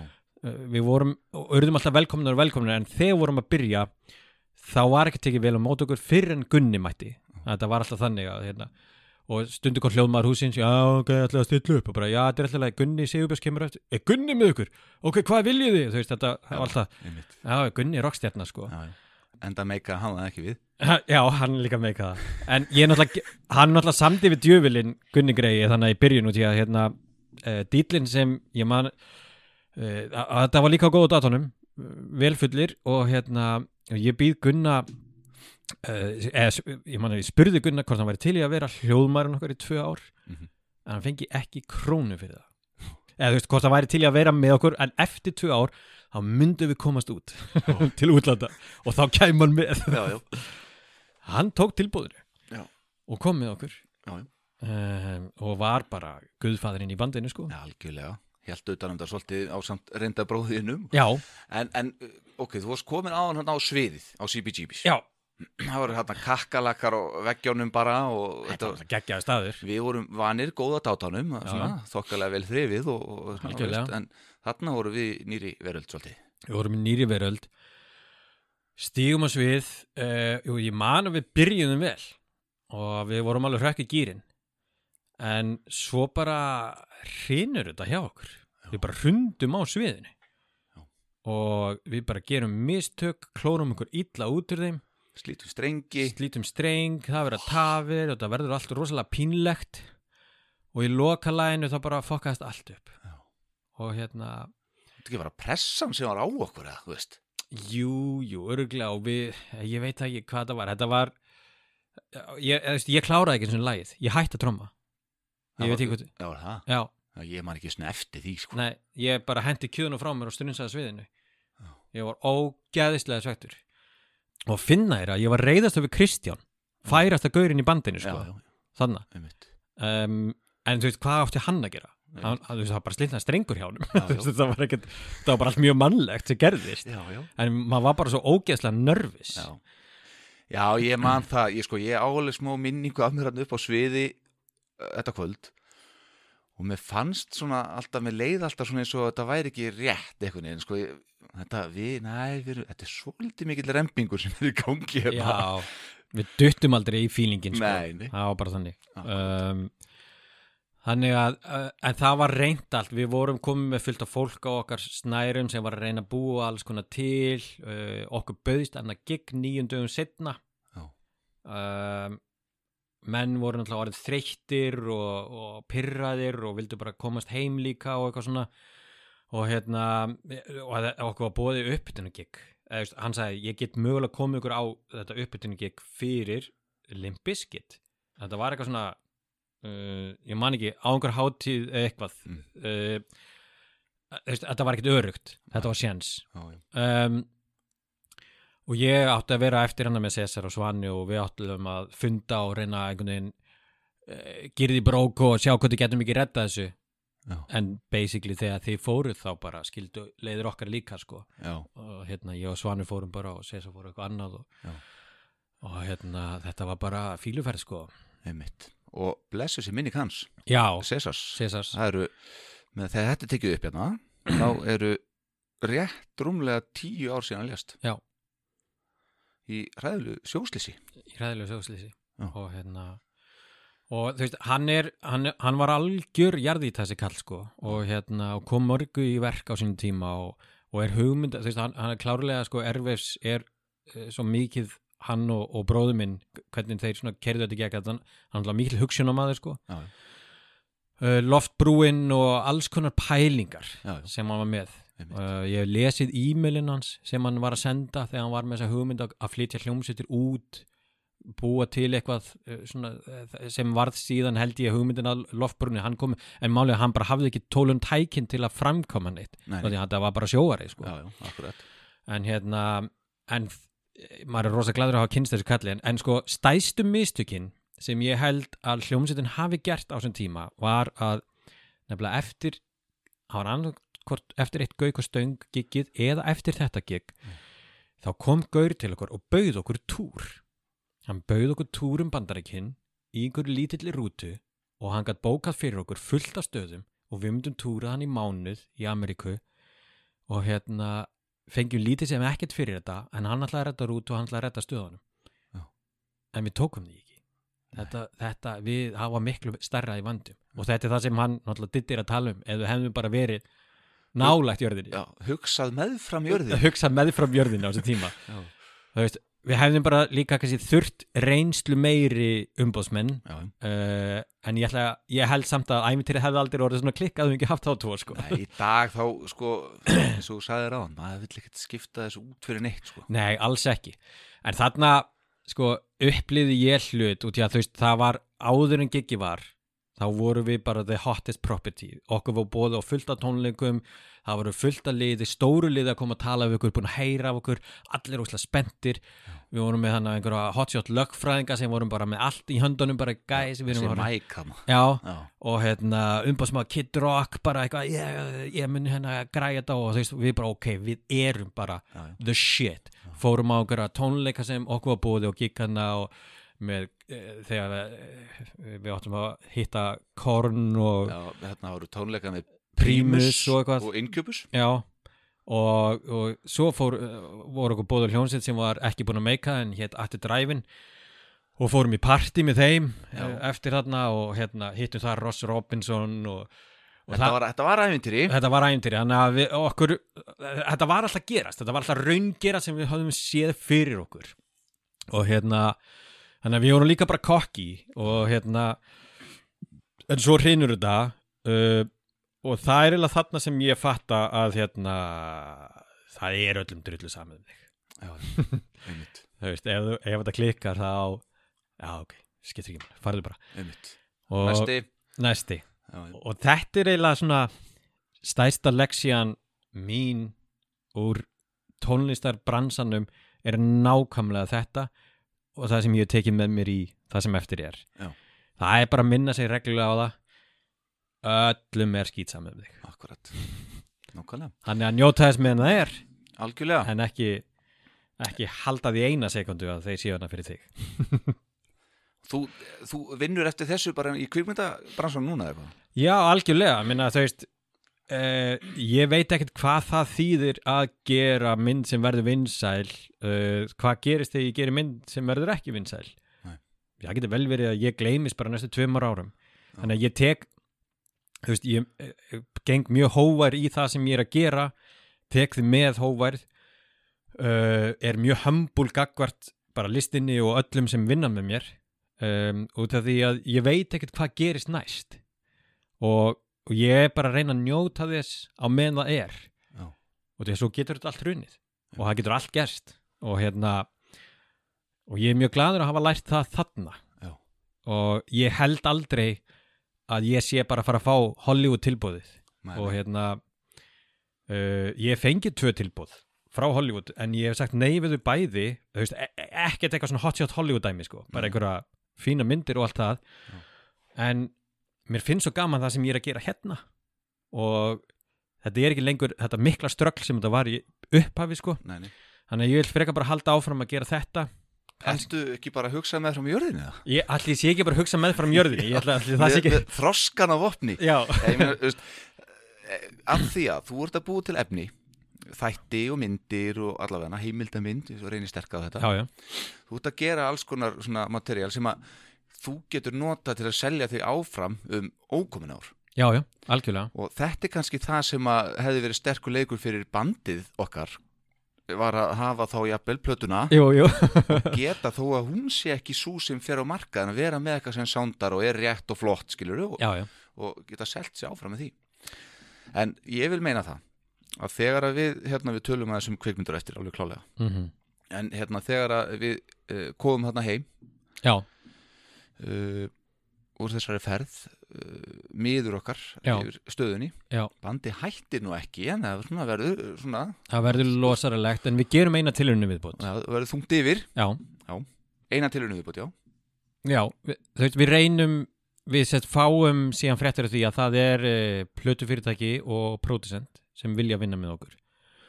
Mann ekkert hvað þessi gæi heitir uh, en hann próduseraði allan einhverja fúfætisplötu og Presidents plötu eitthvað. Og þetta þetta var, tengdist eitthvað Thule Records hérna, já, það er skott að ég er ekki í viðtalin sem slíku sko, Nei, ég einmitt. man þetta ekki veist. En allan við förum og fáum okkur húsnæðinir og óseri það, mm. uh, það sem við tökum upp þessi Harley upptökur og allt þetta. Ég, og þetta æ- æfingarferli á ég allt á vídeo. Ég var alltaf með kameru með mér. Uh, þarna og við erum bara undirbúa tökur á þessari plötu uh, og Harley þessi demo er partur af því sko. Að við, vorum, við fórum okkur að fundi hennar með túli og það koma hana tveir gæjar inn sem er að fara að fjármagna þetta verkefni með okkur. Uh, og hérna það fer ekki, ekkert sérstaklega vel. En hérna allt er lægi allt er lægi en svo bara finnum við að þetta er samt búið. Og það er eiginlega sko ári eftir þetta rúma ári eftir þetta uh, þá höldum við og við erum eiginlega hættir að æfa og allt. Og, veist, og, það- og því að þetta rann út í sandin hann og við náum ekki þessu fjármagni til að borga þetta og hann var tilbúin að gera þetta á 50% verði þessi producent og svona. Já. að hérna, við ákveðum að halda okkar síðustu tónleika í Íþrótahöllinu og akkur uh, spilum þar með Jepla Joe. Já, og sem hérna var gott gig. sem var frábært gig. Hitti mig gæja sem ég var búin að vinna með mjög lengi. Já. Svo segja hann við mig, herðu ég var á lokatónum með þér. Já, það ok, en hérna En sko málið er það, þegar þessi tónleikar eru þá eru við búin að vera að sko í 5-6 ár já, sko á fullu. Já, tölum um áðan að við byrjuðum oktober 96 og vorum komnir í stúdíu strax eftir árum og taka upp plötu og geðvikin byrjaði. Já, vorum aldrei, fengum aldrei að vera bann sem hljómsveit. Nei, við, einmitt vorum aldrei bara í æfingurúsnaði að þroskast og Já. sem kannski e- e- er eitthvað svo aldrei mikið bara líka lífið mitt. En hérna um, þa þarna höldum við já, við höldum þessa tónleika og þetta er einhvern veginn, þetta er búið við vitum það á þessum tíma. Uh, þetta var frábæri tónleikar og Jenny komið með annan fótinn annað það er búið að bjóða honum í annað band. Uh, ég held að það hafi gerst áður en þetta gerði sko. Ég held þessi réttiður uh, og sem var rökrétt fyrir hann þetta er náttúrulega bara Brain Police frábært band og, og hann flyttur suður. Og hérna uh, og svo einhvern veginn bara eftir þetta þá bara splittuðu svolítið leiðir hjá okkur. Já. og meiri þess að alveg bara þú veist, uh, þú veist ég held einhvern veginn að partur af því og því að ég og þú hættum að tala saman hann í langan tíma. Já, veist, þetta hafi einhvern veginn allt verið bara svolítið svona uppsafnað svona í gegnum þetta allt saman sko. Já, já, akkurat. Um, uh, alveg samfæður um það. já, bara spennan var svo mikil alltaf. Já og því, þú veist við eins og maður var svo dedicated á þetta band að maður let ekkert stöðva sig sko. Og ég, þú veist, ég man að ég var ógeðslega fúll við ykkur að þið vildu fara heim eftir giggið sko. Hann átti ekki pening fyrir að hanga hana lengur úti. Í New York? Í New York. Nei, það voru allir búnir á því og vildu bara komast heim og leggjast á kottan sko. Bara í fóstustellíku sko. Já, en hérna uh, en svo, þú veist sumir nýbyrjað með stelpum og söknuðu kæristunar og allt þetta, skilur þau líka og það var bara gott að blessa en svo náttúrulega bara nefnum engin upp nefnum engin nöfn. Nei, nei. en hérna en svo líka bara þú veist, svo er ég bara algjör asshole líka sko. Og ég bara allt í eignast kæristu og, og bara eignast bann, kort er í setna sko Já. Þetta er alls á hljómsveitin með mig og heiðu sko, við fengum aldrei að vera lítil börn, við eignumst bara bann strax og við byrjum saman sko. en akkur ertu er svo legna spanna það Nei, eh, ég bara, þá tek ég bara ákvörðunum að ég vilji hætti þessu. Já. Það fyrir mína sakir. Já, ok, Mér langaði ekkert lengur að vera í bandinu. Já, Og mér langaði að fara aftur að sinna þessu kvimindadóti Já. Hvað er fyrsta verkefni þitt svona eftir það? Var það auðlýsing fyrir Sandgerðisbæ? N- Nei, sko ég geri Ég geri sko tvær stuttmyndir Á þessum tveimur árum Sem við erum að hætta. Já, ég, eh, Sem heitur far og írónía. Já, ég leik nú annari Já, já, já, heldur betur. Uh, Far er gerð uh, Sumarið eftir hérna, Ferðin okkar til New York. Uh, Svo ger ég íróníu árið eftir það. Um, Og við sýnum þetta í bíó eitthvað svona. Og, En svo stopnaði ég geimstofuna með strákonum fyrir norðan. Og ég fer að gera auðlýsingar og geri fyrstu auðlýsinguna mína sem var fyrir húsæku jógurt með Jenna í aðhaldsverki já, já, alveg. Það var fyrsta. Það var fyrsta. Já, Uh, en reyndar gerði ég fyrir koningabúðin í sunnulíð auðlýsingu Var það síðasta búður í sunnlíða? Já, allir það ekki. Þetta var eitthvað svona ég, og ég fekk myndavél í laun. Já, uh, digital myndavél, svona pínu litla. En svo gerum við húsæku jógurt og svo gerum við sanngerðisbæ sem verður svona stórtverkefni þyrlu skot og Já, já, sem þú tækið með dróna í dag. Já, já. Friðrik Ómar les yfir auðlýsinguna og, Já, Já, já, þetta er bara öllu tjálta til það er öllu tjálta til Já. um, Býttu þetta, hvað árið komið hana? Þetta er þá 2004 Já, sem- við erum nú að gleyma einu í mildi Já, hvað er það? Ég og þú náttúrulega samt unnum saman hann á tíðanbili Já. á útvarpstöð Já. sem Pétur Guðjónsson Já, átti og, og rak á Akureyri já, og hérna hét hérna Ljósvakin ljósvækin, fjóslækin Já, og þar með vorum við að vinna einmitt með Friðrik Gómari Já, kynnust þessum almenn, ég reyndar hafi kynntist þessum aðeins í Action Já. um, Já, svo varstu þar. Var þar í alveg heilt ár. Sem, sem heiti núna N, N4 N4 Já, og var náttúrulega alveg sjúklega duglegur þetta ár sem ég vann hana og gerði var með beinar útsendinga hverju einstu helgi og hérna gerði gama þætti og sketsadrasl og alls konar. Var bara og stuttmyndir og, og hérna uh, gerði þar sketsa þætti sem hétu Hægósi sem breyttist síðan í, í seríu setna meir. Eða sérst nafninu til. Mhm. kynnist reynda Friðrik Ómari þar sem hérna þessi ungi strákur kemur og allar að gera uh, jólaþáttin Malt og Appelsín. Og hérna Með hugmyndir að móta með hugmyndinu móta og hann gjörsamlega allt útpælt hjá veist, og ekki það að ég var ekkert að fíla endilega það sem var að gera en ég fílaði rosalega vel hvað hann hafði allt á hreinu. Já, Ha- þetta var, og, og settið og tökunar og hann bara átjónar gamall eða eitthvað, þú veist, kornungur hana. Uh, gömul sál bara, þú veist, Erna Gunnars ég vissi ekki sem hver það var, sko, Nei. þú veist, hún var bara í viðtali að syngja á því Já. já Býttu, ég- var þetta þér komið að segja já eða nei? nei, að- nei, nei, ég var bara aðstofan við þetta, Já, sko ég skil, já. Og bara hérna svo erum við að vinna aftur með honum í, í ljósvakanum. Já, og hérna og þetta er nefnilega sko ég ætla nú bara að segja þessa sögu sko en hérna en, hann er sko ekki komin til skapnum á þessu tíma. Já, nei, nei. Og hérna uh, allavega ekki opiberilega, það getur vel verið einhverju aðrir hafi Við, allavega, við vorum svolítið að ítunum út úr svona skápa já, við áttum það til að segja hann um að, að hérna, hann ætti nú bara að koma út. Já. og Var Við- svolítið aldrei illir. Nei, nei, nei, að, Ekki líka- þannig, held ég. Nei, nei, nei, en það er Friðrik bara, hann er snillingur sko. Já, já, og við gerðum einhvern tíðan pakt sko, ég og Friðrik að hérna, ég sagði við hann sko þegar þú verður komin til skápnum og gerir fyrsta Eurovision-lagi þá fæ ég að gera myndbandið sem reyndið síðan mörgum ára setna uh, og Já. gerðist já, ok. Var það gamall dýl sem hann rukkaði um eða? ég, rukkaði hann um. Já, því að hann vann og þá reyndi ég hann bara dude, við gerum samning. Ég ætlaði að gera fyrsta myndbandið já, já, og nú ertu bara bæði til Já. og þú ert búin að vinna Eurovision. Já.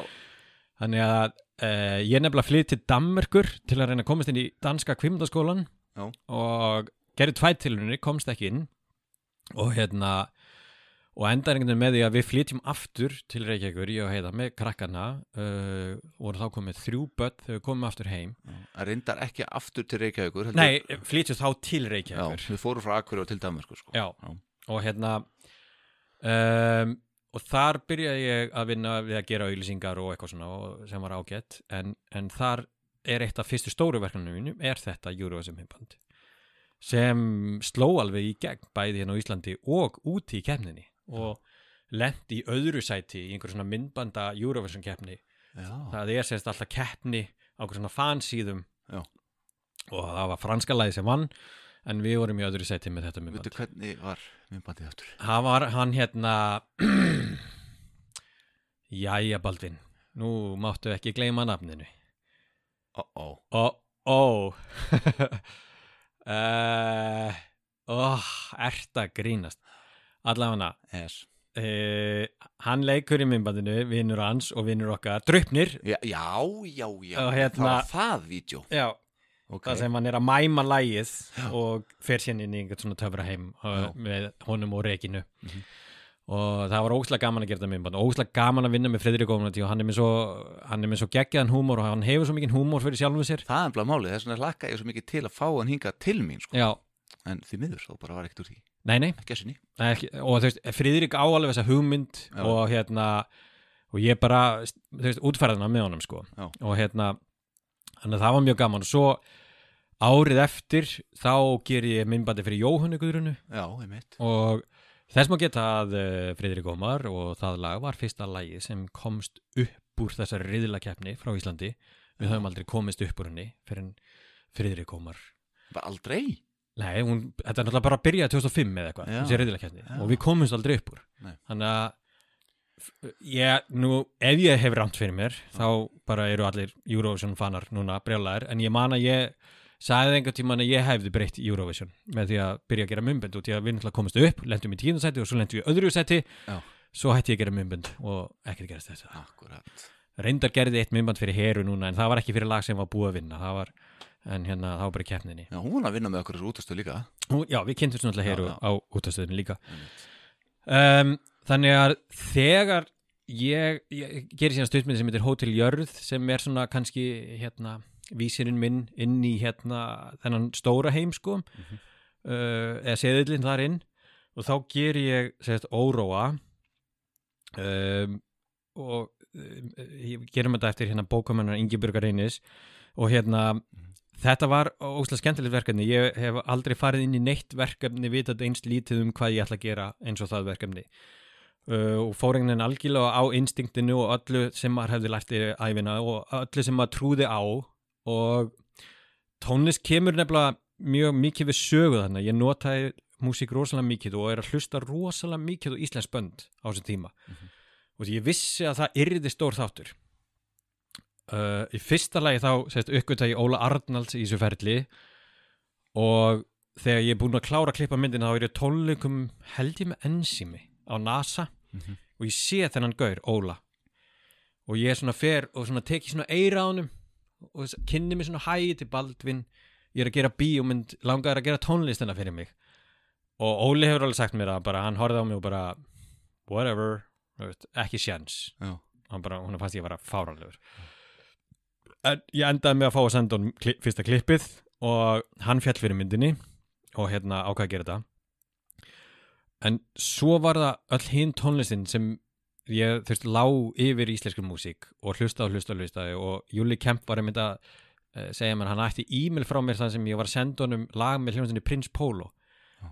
og að, Prins Pólo hafði ekkert heyrst neitt rosalega mikið, það voru búin að gefa á tvö lög og þetta hétt 18 og 100 og hérna, og ég sagði bara þetta verður þetta verður geðveikt, þetta verður hittari sko. ég vil fá þetta sem aðal og loka lagmyndarinnar Já. og það fannst það öllum það fáranlegt sko. en hérna, ég hafði tröllatrú að um, eins var band sem hafði sigrað músitilurinnir þeir áttu bara ekki neina hljóðu upptökur um, og hérna ég hringdi í nönnu í Monsters and Men og spurði hvort ég geti nota lögin sem þau spiluðu á Rás 2 í myndina. Já, þannig að ég er með hljóðupptökur úr Rás 2 með þeim.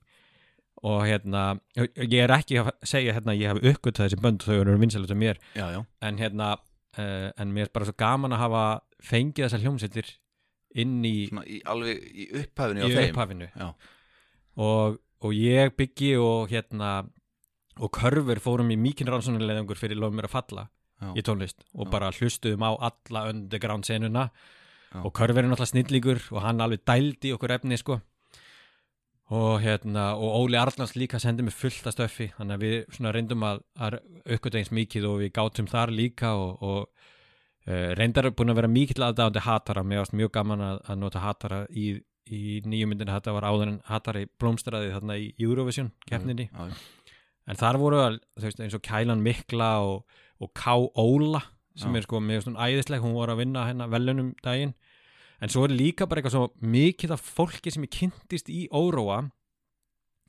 Joey Christ var í pröfum og komst ekki þú veist, auður tónlistamæður hann var í pröfum hjá mér þarna. Ógeðslega flottu strákur. Hann var bara annar strákur sem fekk það hlutverk. Já. En ennþá dag í dag eru allir þessir krakkar, þau heilsa mér og tala við mig og, og veist, mér þykir svo vænt um það, þú veist, þetta eru svo ótrúlega flotti krakkar. Ég fekk ótrúlegan hóp til mín í pröfur og því að ég held að allir krakkarnir sem komist ekki líka í myndina unnur ekkert sem er einhverstað út í LA að gera eitthvað og þú veist, er allt krakkar sem fengi hlutverk þá en hafa einhvern veginn blómstrað eftir þetta. Og krakkarnir sem fengur hlutverk hafa öll farið einhvern veginn stíð inn í þannan heim sko. já, algjörlega úr óróa Já. já, heldur betur maður.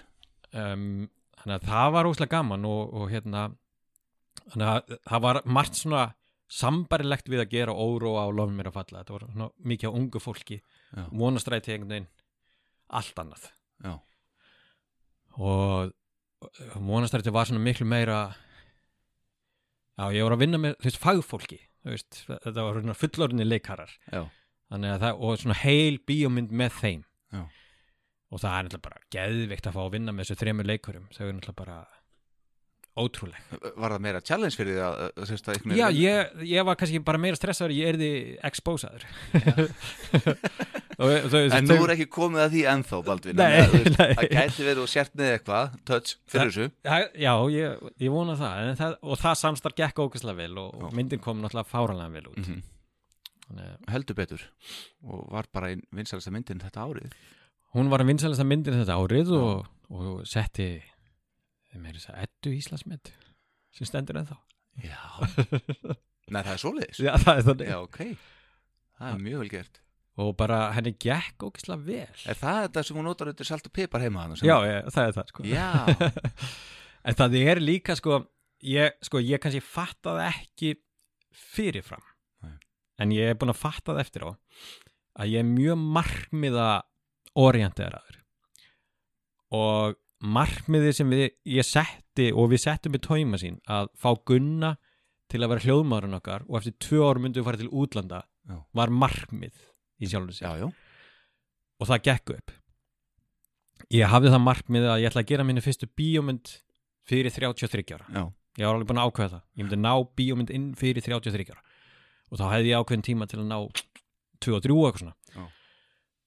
ég hafði sérst, ég sérst, sendi hérna framleiðunum mínum eh, yngvari e, Þóruðarsendi, sendi hann sem e-mail þar sem ég listaði upp hvernig ég sæi fyrir mig næstu 6 ár. Og hérna ég myndi ekki eftir að ég hef gert þetta e-mail. Ég fann þetta í e-mailabóksunum um daginn og ég var að leita gömlu e-maili fyrir aðstofaleikstjóra minn Já. sem ég hefði sendt hann fyrir mörgum ára síðan. Og þá rekst ég á þetta e-mail. Og þá tala ég um og þetta er sko rétt eftir ég er búin að taka upp óróa og ég sá fyrir mig að þetta er svona og myndi gera svona og svo myndi ég gera mynd nummið tvö. Og hérna ógeðslega rókafyllt að segja þetta í e-maili en, en þannig segi ég bara þarna held ég að ég ná að mastera snildina. Myndin mun slá í gegn. Já. ég er alveg harð ákveðin ok. Það verður, og svo myndum við þrjú erfitt að fylgja eftir. Já. en vonandi bara textað. Að, að, að fylgja eftir tvö. Fylgja eftir tvistinum. Ég, og það er einhvern veginn eins og ég bara séð fyrir mér að að, að myndi einhvern veginn allt ganga upp í tvistinu. Ég veit ekki af hverju einu sinni. Nei. um, ég, og ég veit ekki hvað það sé það sé að besti heiminu að vera alltaf einhvern veginn markmiðabeist en, en ég hef greinilega alltaf gert þetta. Uh, Er ekki alltaf að tala um það, settu þið markmið og, og, Jú, jú. veist, þannig að jú, getur örglega eitthvað til í því einhver staðar hana já, En hvað, veist, hví þið fyrir næstu mynd? nei alls ekki. Um, Þá er ég að meina, skilur, þú ert að það fylgja það kom ekki ykkur skellur? Nei, sko Nei, ég held að ég sé sko, ég, ég ætla alveg að halda áfram að nálgast allt þannig að, að mér líða eins og ég sé að gera mitt síðasta verk. Mhm. og ég fá ekki annað sjens um, en ég, ég vona að íslenska þjóðun sé tilbúin að fyrirgefa mér einu sinni ef að ég royally fokkaði upp sko. Já, en hérna sko, því meira sem þú veist það sem þú ert að gera því náttúrulega bara meira kemst að því að þú veist ekki neitt. Já, og þú ferð að flækja fyrir þér hluti sem þú varst ekki að flækja fyrir þér þegar þú vissir þá ekki. Já, og áður ég fór í lofum mér að falla tökunar þá var ég alveg ég var bara kvíða sprengja. Og því að allt sem gat farið úrskeiðis allt sem ég lærði í vonastrætti allt sem fór úrskeiðis í vonastrætti ég ætla nú ekki að láta það fara úrskeiðis núna sko. Nei, nei. Þannig að ég einhvern veginn flækti þetta rosalega mikið fyrir mér en svo fann ég að bara í tökunum að mér leið vel á meðan ég var að taka upp og ég hafði eitthvað svona, ég sá að þetta var alveg undir kontról og þetta var að fara eins og ég vildi að þetta myndi fara. Þannig að ég sko handritið sem ég er að þróa núna uh, sem er svona alveg bara handrit frá uh, hérna, mér og strákur sem heitir Elias sem lék í sem lék í hérna Óróa. Óróa. Hann er mentaður handritagerðamaður í dag. Við erum búin að vera að vinna koncept með fjórum leikurum í svolítið tíma og ég er ógeðslega spenntur fyrir þessu út ég er að stíga langt, langt út fyrir minn þægindarama í þeirri mynd. Ok. Og hérna, og mér hlakka til að gera það. Ertu, ertu þó hvað, þú eru að tala um gamamynd þá eða? Nei, nei, nei, þetta verður alveg svona einhverju, einhverju svona drama leveli sko, Já. en hún er bara um, ég veit ekki hvernig ég á að lýsa ég, ég vil helst segja sem minnst um það. Já, já, en hérna, en hún er samt einhvern veginn allt öðruvísi en það sem ég hef verið að gera. Já. Um, Nei, nei hún, hún er alls ekki gaman mynd ok. En svo er ég alveg að vinna í annari bíómynd uh, ég er alltaf að reyna að segja að búa til gamamynd Já, ég veit, uh, þú veist mér er alveg fullt að atrið með myndunum mínum fyndin sko. Já, mér líka, Já. en ég er bara að tala um sko, hérna, hann ákveðin svona Baldvin seta, stimpill leðilt orð mér, er svona sjarmi, vil ég segja bara yfir myndunum þínum skilur það er það. að, að þú tala um þægendrama, þess að spurði ég bara. Já, ég reyndar það, sko, án þess að segja ekki neitt en segja smá Já, þá er alveg séns að ég muni taka hann mér að uh, gera litla serju, mjög litla krútlega serju sem er svolítið gaman Já. með mjög fáum leikurum allt öðru sem ég verið að gera. Og hérna þetta er nánast bara tveir leikarar í allir seríunni. Um, og það, er svona, já og e- ef það verður þá fer ég bara í tökun núna í mars ok, næs og, hérna, og þetta verður eitthvað svona bara uh, bara eitthvað gaman til að Já. díla við sko. En svo náttúrulega, þú framleitir náttúrulega hægósa. Það er nú já, svolítið stuðið og, því. og skrifaði og skrifaðir já, já. ásand öðrum sko. Já, akkurat, herðu, all right. Við ætlum að hérna, taka aðeins aftur smá hérna, sesjón í tónlistina. Já. Vegna þess að nú erum við búin að gleyma sjálfhverfinu svo lengi. Já, Þetta átti að vera svona sjálfhverfur lokaþáttur uppgjör líka. Já, Þannig hérna, við ætlum að fara aftur í tónlistina aðeins. Já. Og þá erum við komnir aftur í hljómsveitina, tóimasín, okkar hljómsveit. Já, Og hérna stöðun í dag sem er frábær að því leitunum til að við erum búin að koma saman nokkur sinnum. Já. Græna hattinum 2015 mm Fertu samanlinn mínu 2019 19 og svo náttúrulega Airwaves 2018 og Erfis 2018 sem var 20 ára ammælskikið Já, það sem line-upið í sjallanum uh, kom saman og spilaði uh, og því að það er náttúrulega er upphafið af já. Og þarna var Devil og hérna Carpet. Carpet Já. sem er Kristó og félagar og, og Lights on a Highway. Já, og fleiri böndum. Já, já. Þetta voru böndin sem Cesar var umbóðsmaður fyrir. Og maður finnur þegar maður að koma núna saman og spila og eitthvað. Lagi er þetta bara svo greinlega að læra að hjóla því að lögin eru þarna sé stundur auðgað og svo kannski sér í lagi hjá þér.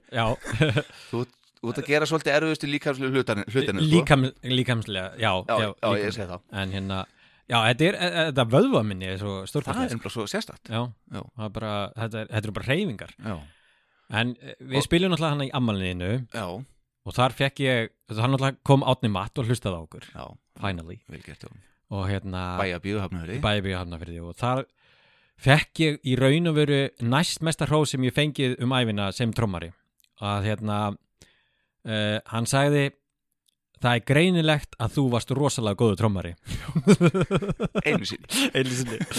Uh, og ég var mjög glað með það. Það er svo geggja að leifa hana já, Já, það eru geggja að leifa hérna en, en mesta hrósið sem trommari fekk ég eftir soundcheckið á CBGB's já, og hérna það stóðu þar tveir svona götunar menn uh, í andirinu þegar vorum að labba út. Já. Og það kom þannig uh, svartum maður til mín og með alveg svona brjálaðan flottan hreim og sagði svona hey white boy nei hann, hann sagði hey you white boy with a beat good og ég var bara wow já. þetta það toppar þetta ekkert sko. Nei, og þarna náttúrulega Þú sá strax að það er bíti í þessum gæja það var bara- mikið bít í honum sko. Það ok. er klart mál Já. En maður finnur samt núna þegar við spilum bara hvað er allt öðru sér atmóða þegar núna er þetta bara gaman. Núna er þetta gaman, það er, veistu, það er allir að þetta er bara veist, fjórir við erum alltaf bara fjórir í dag svona fjórir gamli kallar sem Já. eru engungu að gera þetta fyrir sjálfan sig og veist og svo bara er ég alltaf að vonast þess að við klárum þessa plötu. Já, hver veit? Hver veit, nema 2020 verði eitthvað gert í því, ég veit það ekki. Já, ég vona það ég vona líka, að því að hérna og aftur, þá er það bara hann að maður geti Átt. la, lagt eitthvað í kistuna með manni þegar, nei, veist, svo dramatist bara, veist, eiga eitthvað svona þú veist, Já. eh, eitthvað á plasti. Já. erum við að gleyma að tala um eitthvað Nei, þú veist, nei, nei, það held ég ekki. Um, Ég held að þetta sé nú Já, þetta er búið að vera mjög mismöndi þættir. Já, þú veist, ég byrjaði með Jónba Jón Björn Ríkarsson í hérna, já. Og hann svona fór bara, hann fór svolítið út í út í hérna sín veikindi og af hverju þau eru. Já, svona ákveðin eins og hann kallaði það, vítamin neysla sem að já, hann var búin að stunda lengi. Já. Og sem er betur fyrir fann að minka á tölvördag og hérna Fúsi Óttast það var svona mikið bara svona þetta er náttúrulega sérstök saga með hann. Hann náttúrulega byrjar Já. bara í barafloknum 14 ára eða eitthvað grín sko sem að þú hefði gett gert með svörtu kökkunum sko. Já, ef það hefði verið bítið er þá white, boy? White boy with a beat. Já. en hérna, já, Valur Kvandal við fórum hérna yfir uh, vitt og breytt þar líka. Mhm. svolítið, hann lendi í hræðulu atviki þegar að flugslýsið Akureyri var. Já, Heiðar Ingi, þar fórum við svolítið í hérna, hans veikindi sem hann var að díla við og var reyn- reynda ránglega greindur á sín tíma. Hlustar þann þátt eða? Já, ég er búin að hlusta á það Já. Já, það var virkilega Já, svona magnaður þáttur. já, gott spjall og svona allt öðru sem, en hitt sem Já. búið að koma já og hérna, Ég nefnilega var ekkert viss hver þetta var fyrir þáttinn sko Nei, En Svo ok. er ég búin að sjá viðtal við henni í sjómarpinu út af bókaútgáfu og eitthvað svona já, akkurat, Já. einmitt og svo kemur Ernarön Já, uh, kona þáttana sem alltaf, veist, eru þetta ákveðin skellur, ég áttamælu á því já, já, en svo er líka það að ég bý ekkert þessu konur til sko, veist. Nei. Það er ekkert rosalega margar um að velja í svona setup bara því miður. Já, ég veit alveg að það eru hérna, veist, Hulda Garðarsdóttir það er, það er hérna Þórildur Örvas, það er hérna jafnvel hún hérna unnubirna sem er búin að spila með hérna fjallabræðurum og hann Já. eiginlega tengja hana svolítið stertu akkurir og mm alveg jafn mikið og Kristján Edelsten sem var búin að bóka sig skilur og, og en, veist, þetta, hann er að hann er að, en svona er þetta bara. Þetta er ykkur í hug, svona, í augnumleikinu sem að ég hef getað að tala við Sigrun Stella náttúrulega ætlaði að Sigrun koma. Stella ætlaði að koma, já. Bara í leið, hún ætlaði að spila á Airwaves 2019 og svo hætti hún þess að dættu upp fyrir. Já, þannig hún eh, kom ekki til landsins. Alma hefur náttúrulega verið að gera eitthvað Já, og, og, og ég ákvað að ætla að heyri henni og þá sé ég bara á Facebookinu hennar hún sagði bara adiós, ég er farin til eh, tenni eða eitthvað. Þannig ég segi ok. Já. Nei, einmitt uh, svo, uh, þú veist, það er náttúrulega alveg hægt að tengja Selmi Björns við Akureyri en, já, hérna, ég, var með tröstarindar en, en, trösti kom það já, ég, akkurat. já, En, en í þessu konsepti, þannig ég ákvað bara að keira þetta áfram veist, í áti máta Já. þetta er ekki, ekki ríkisútarpi skilur þetta er bara svona. uh, Rökkóldu Gáaði kom svo. Já, ég er náttúrulega mikill aðdóðandi þar og hérna hafa mjög gaman að fá hann í, í spjalti mín. Já, ég á, á eftir hann tónlist og, og ljóðabúk og málverk og núna podcast átt Ég kynntist röglega gáða þegar ég lánaði hljómsett sem hann var í með honum og hérna, nei, beti, var hann ekki því bandi? Hvað band? Uh, hann var trommari, hann hérna presturinn inn í Grundakirkju sem Bíddu er inn í fyrði Já. Sér Hannes Örd Blandon.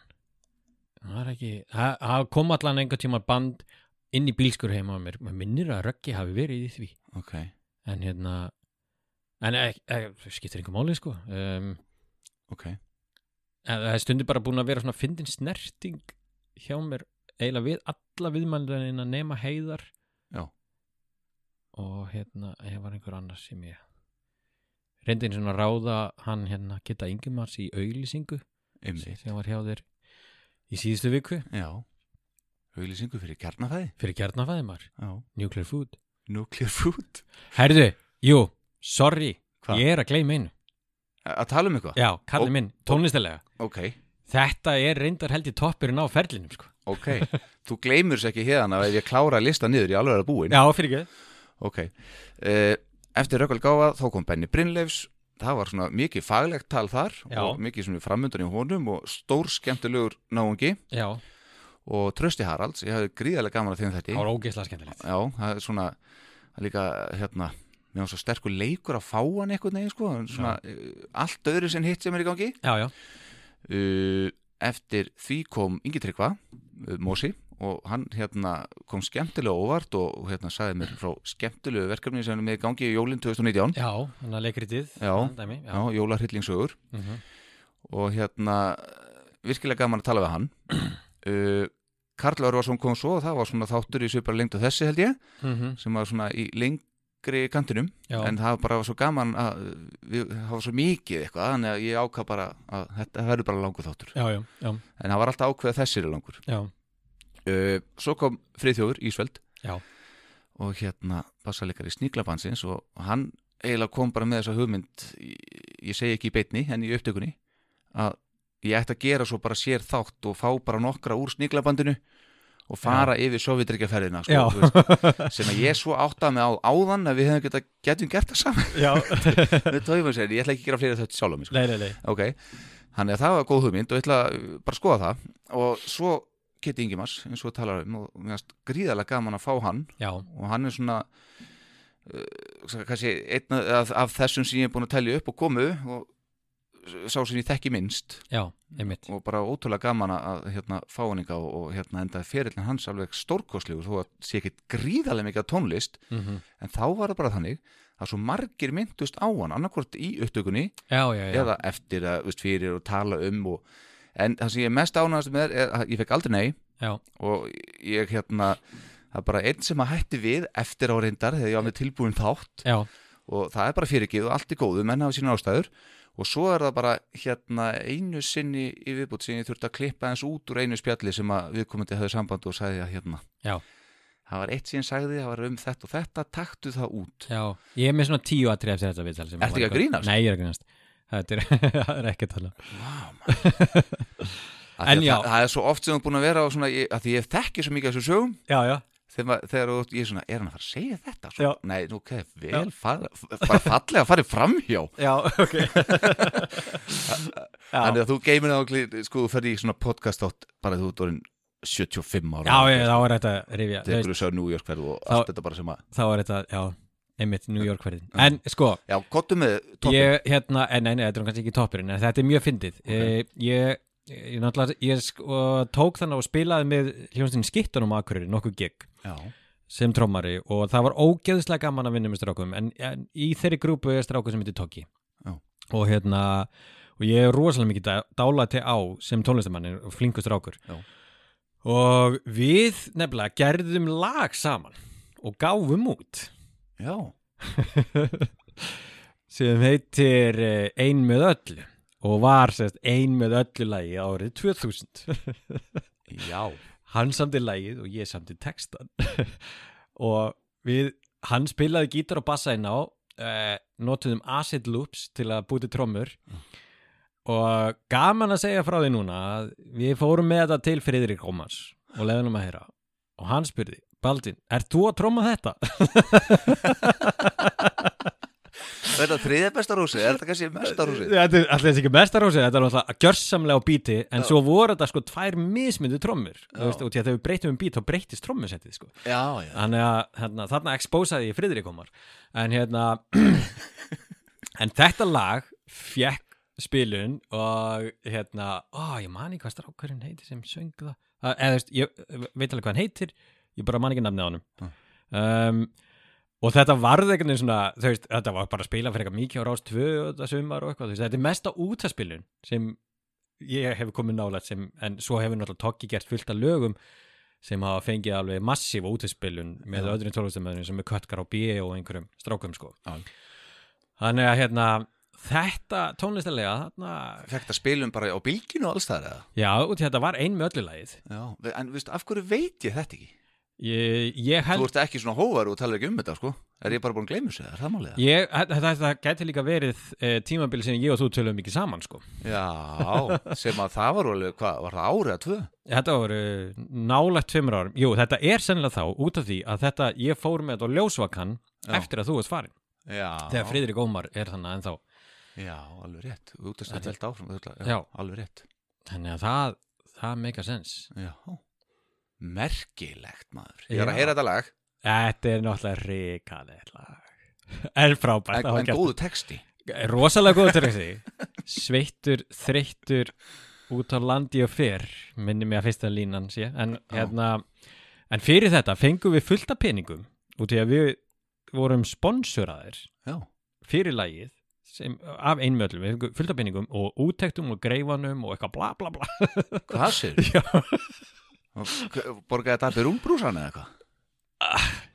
ég man ekki hver, þú veist eh, ok, fullt af peningum, við fengum örgulega 50 skallið eitthvað fyrir Já. þetta, þú veist sem er samt að mesta sem ég fengi fyrir tónlist ever Já, já, um, einmitt.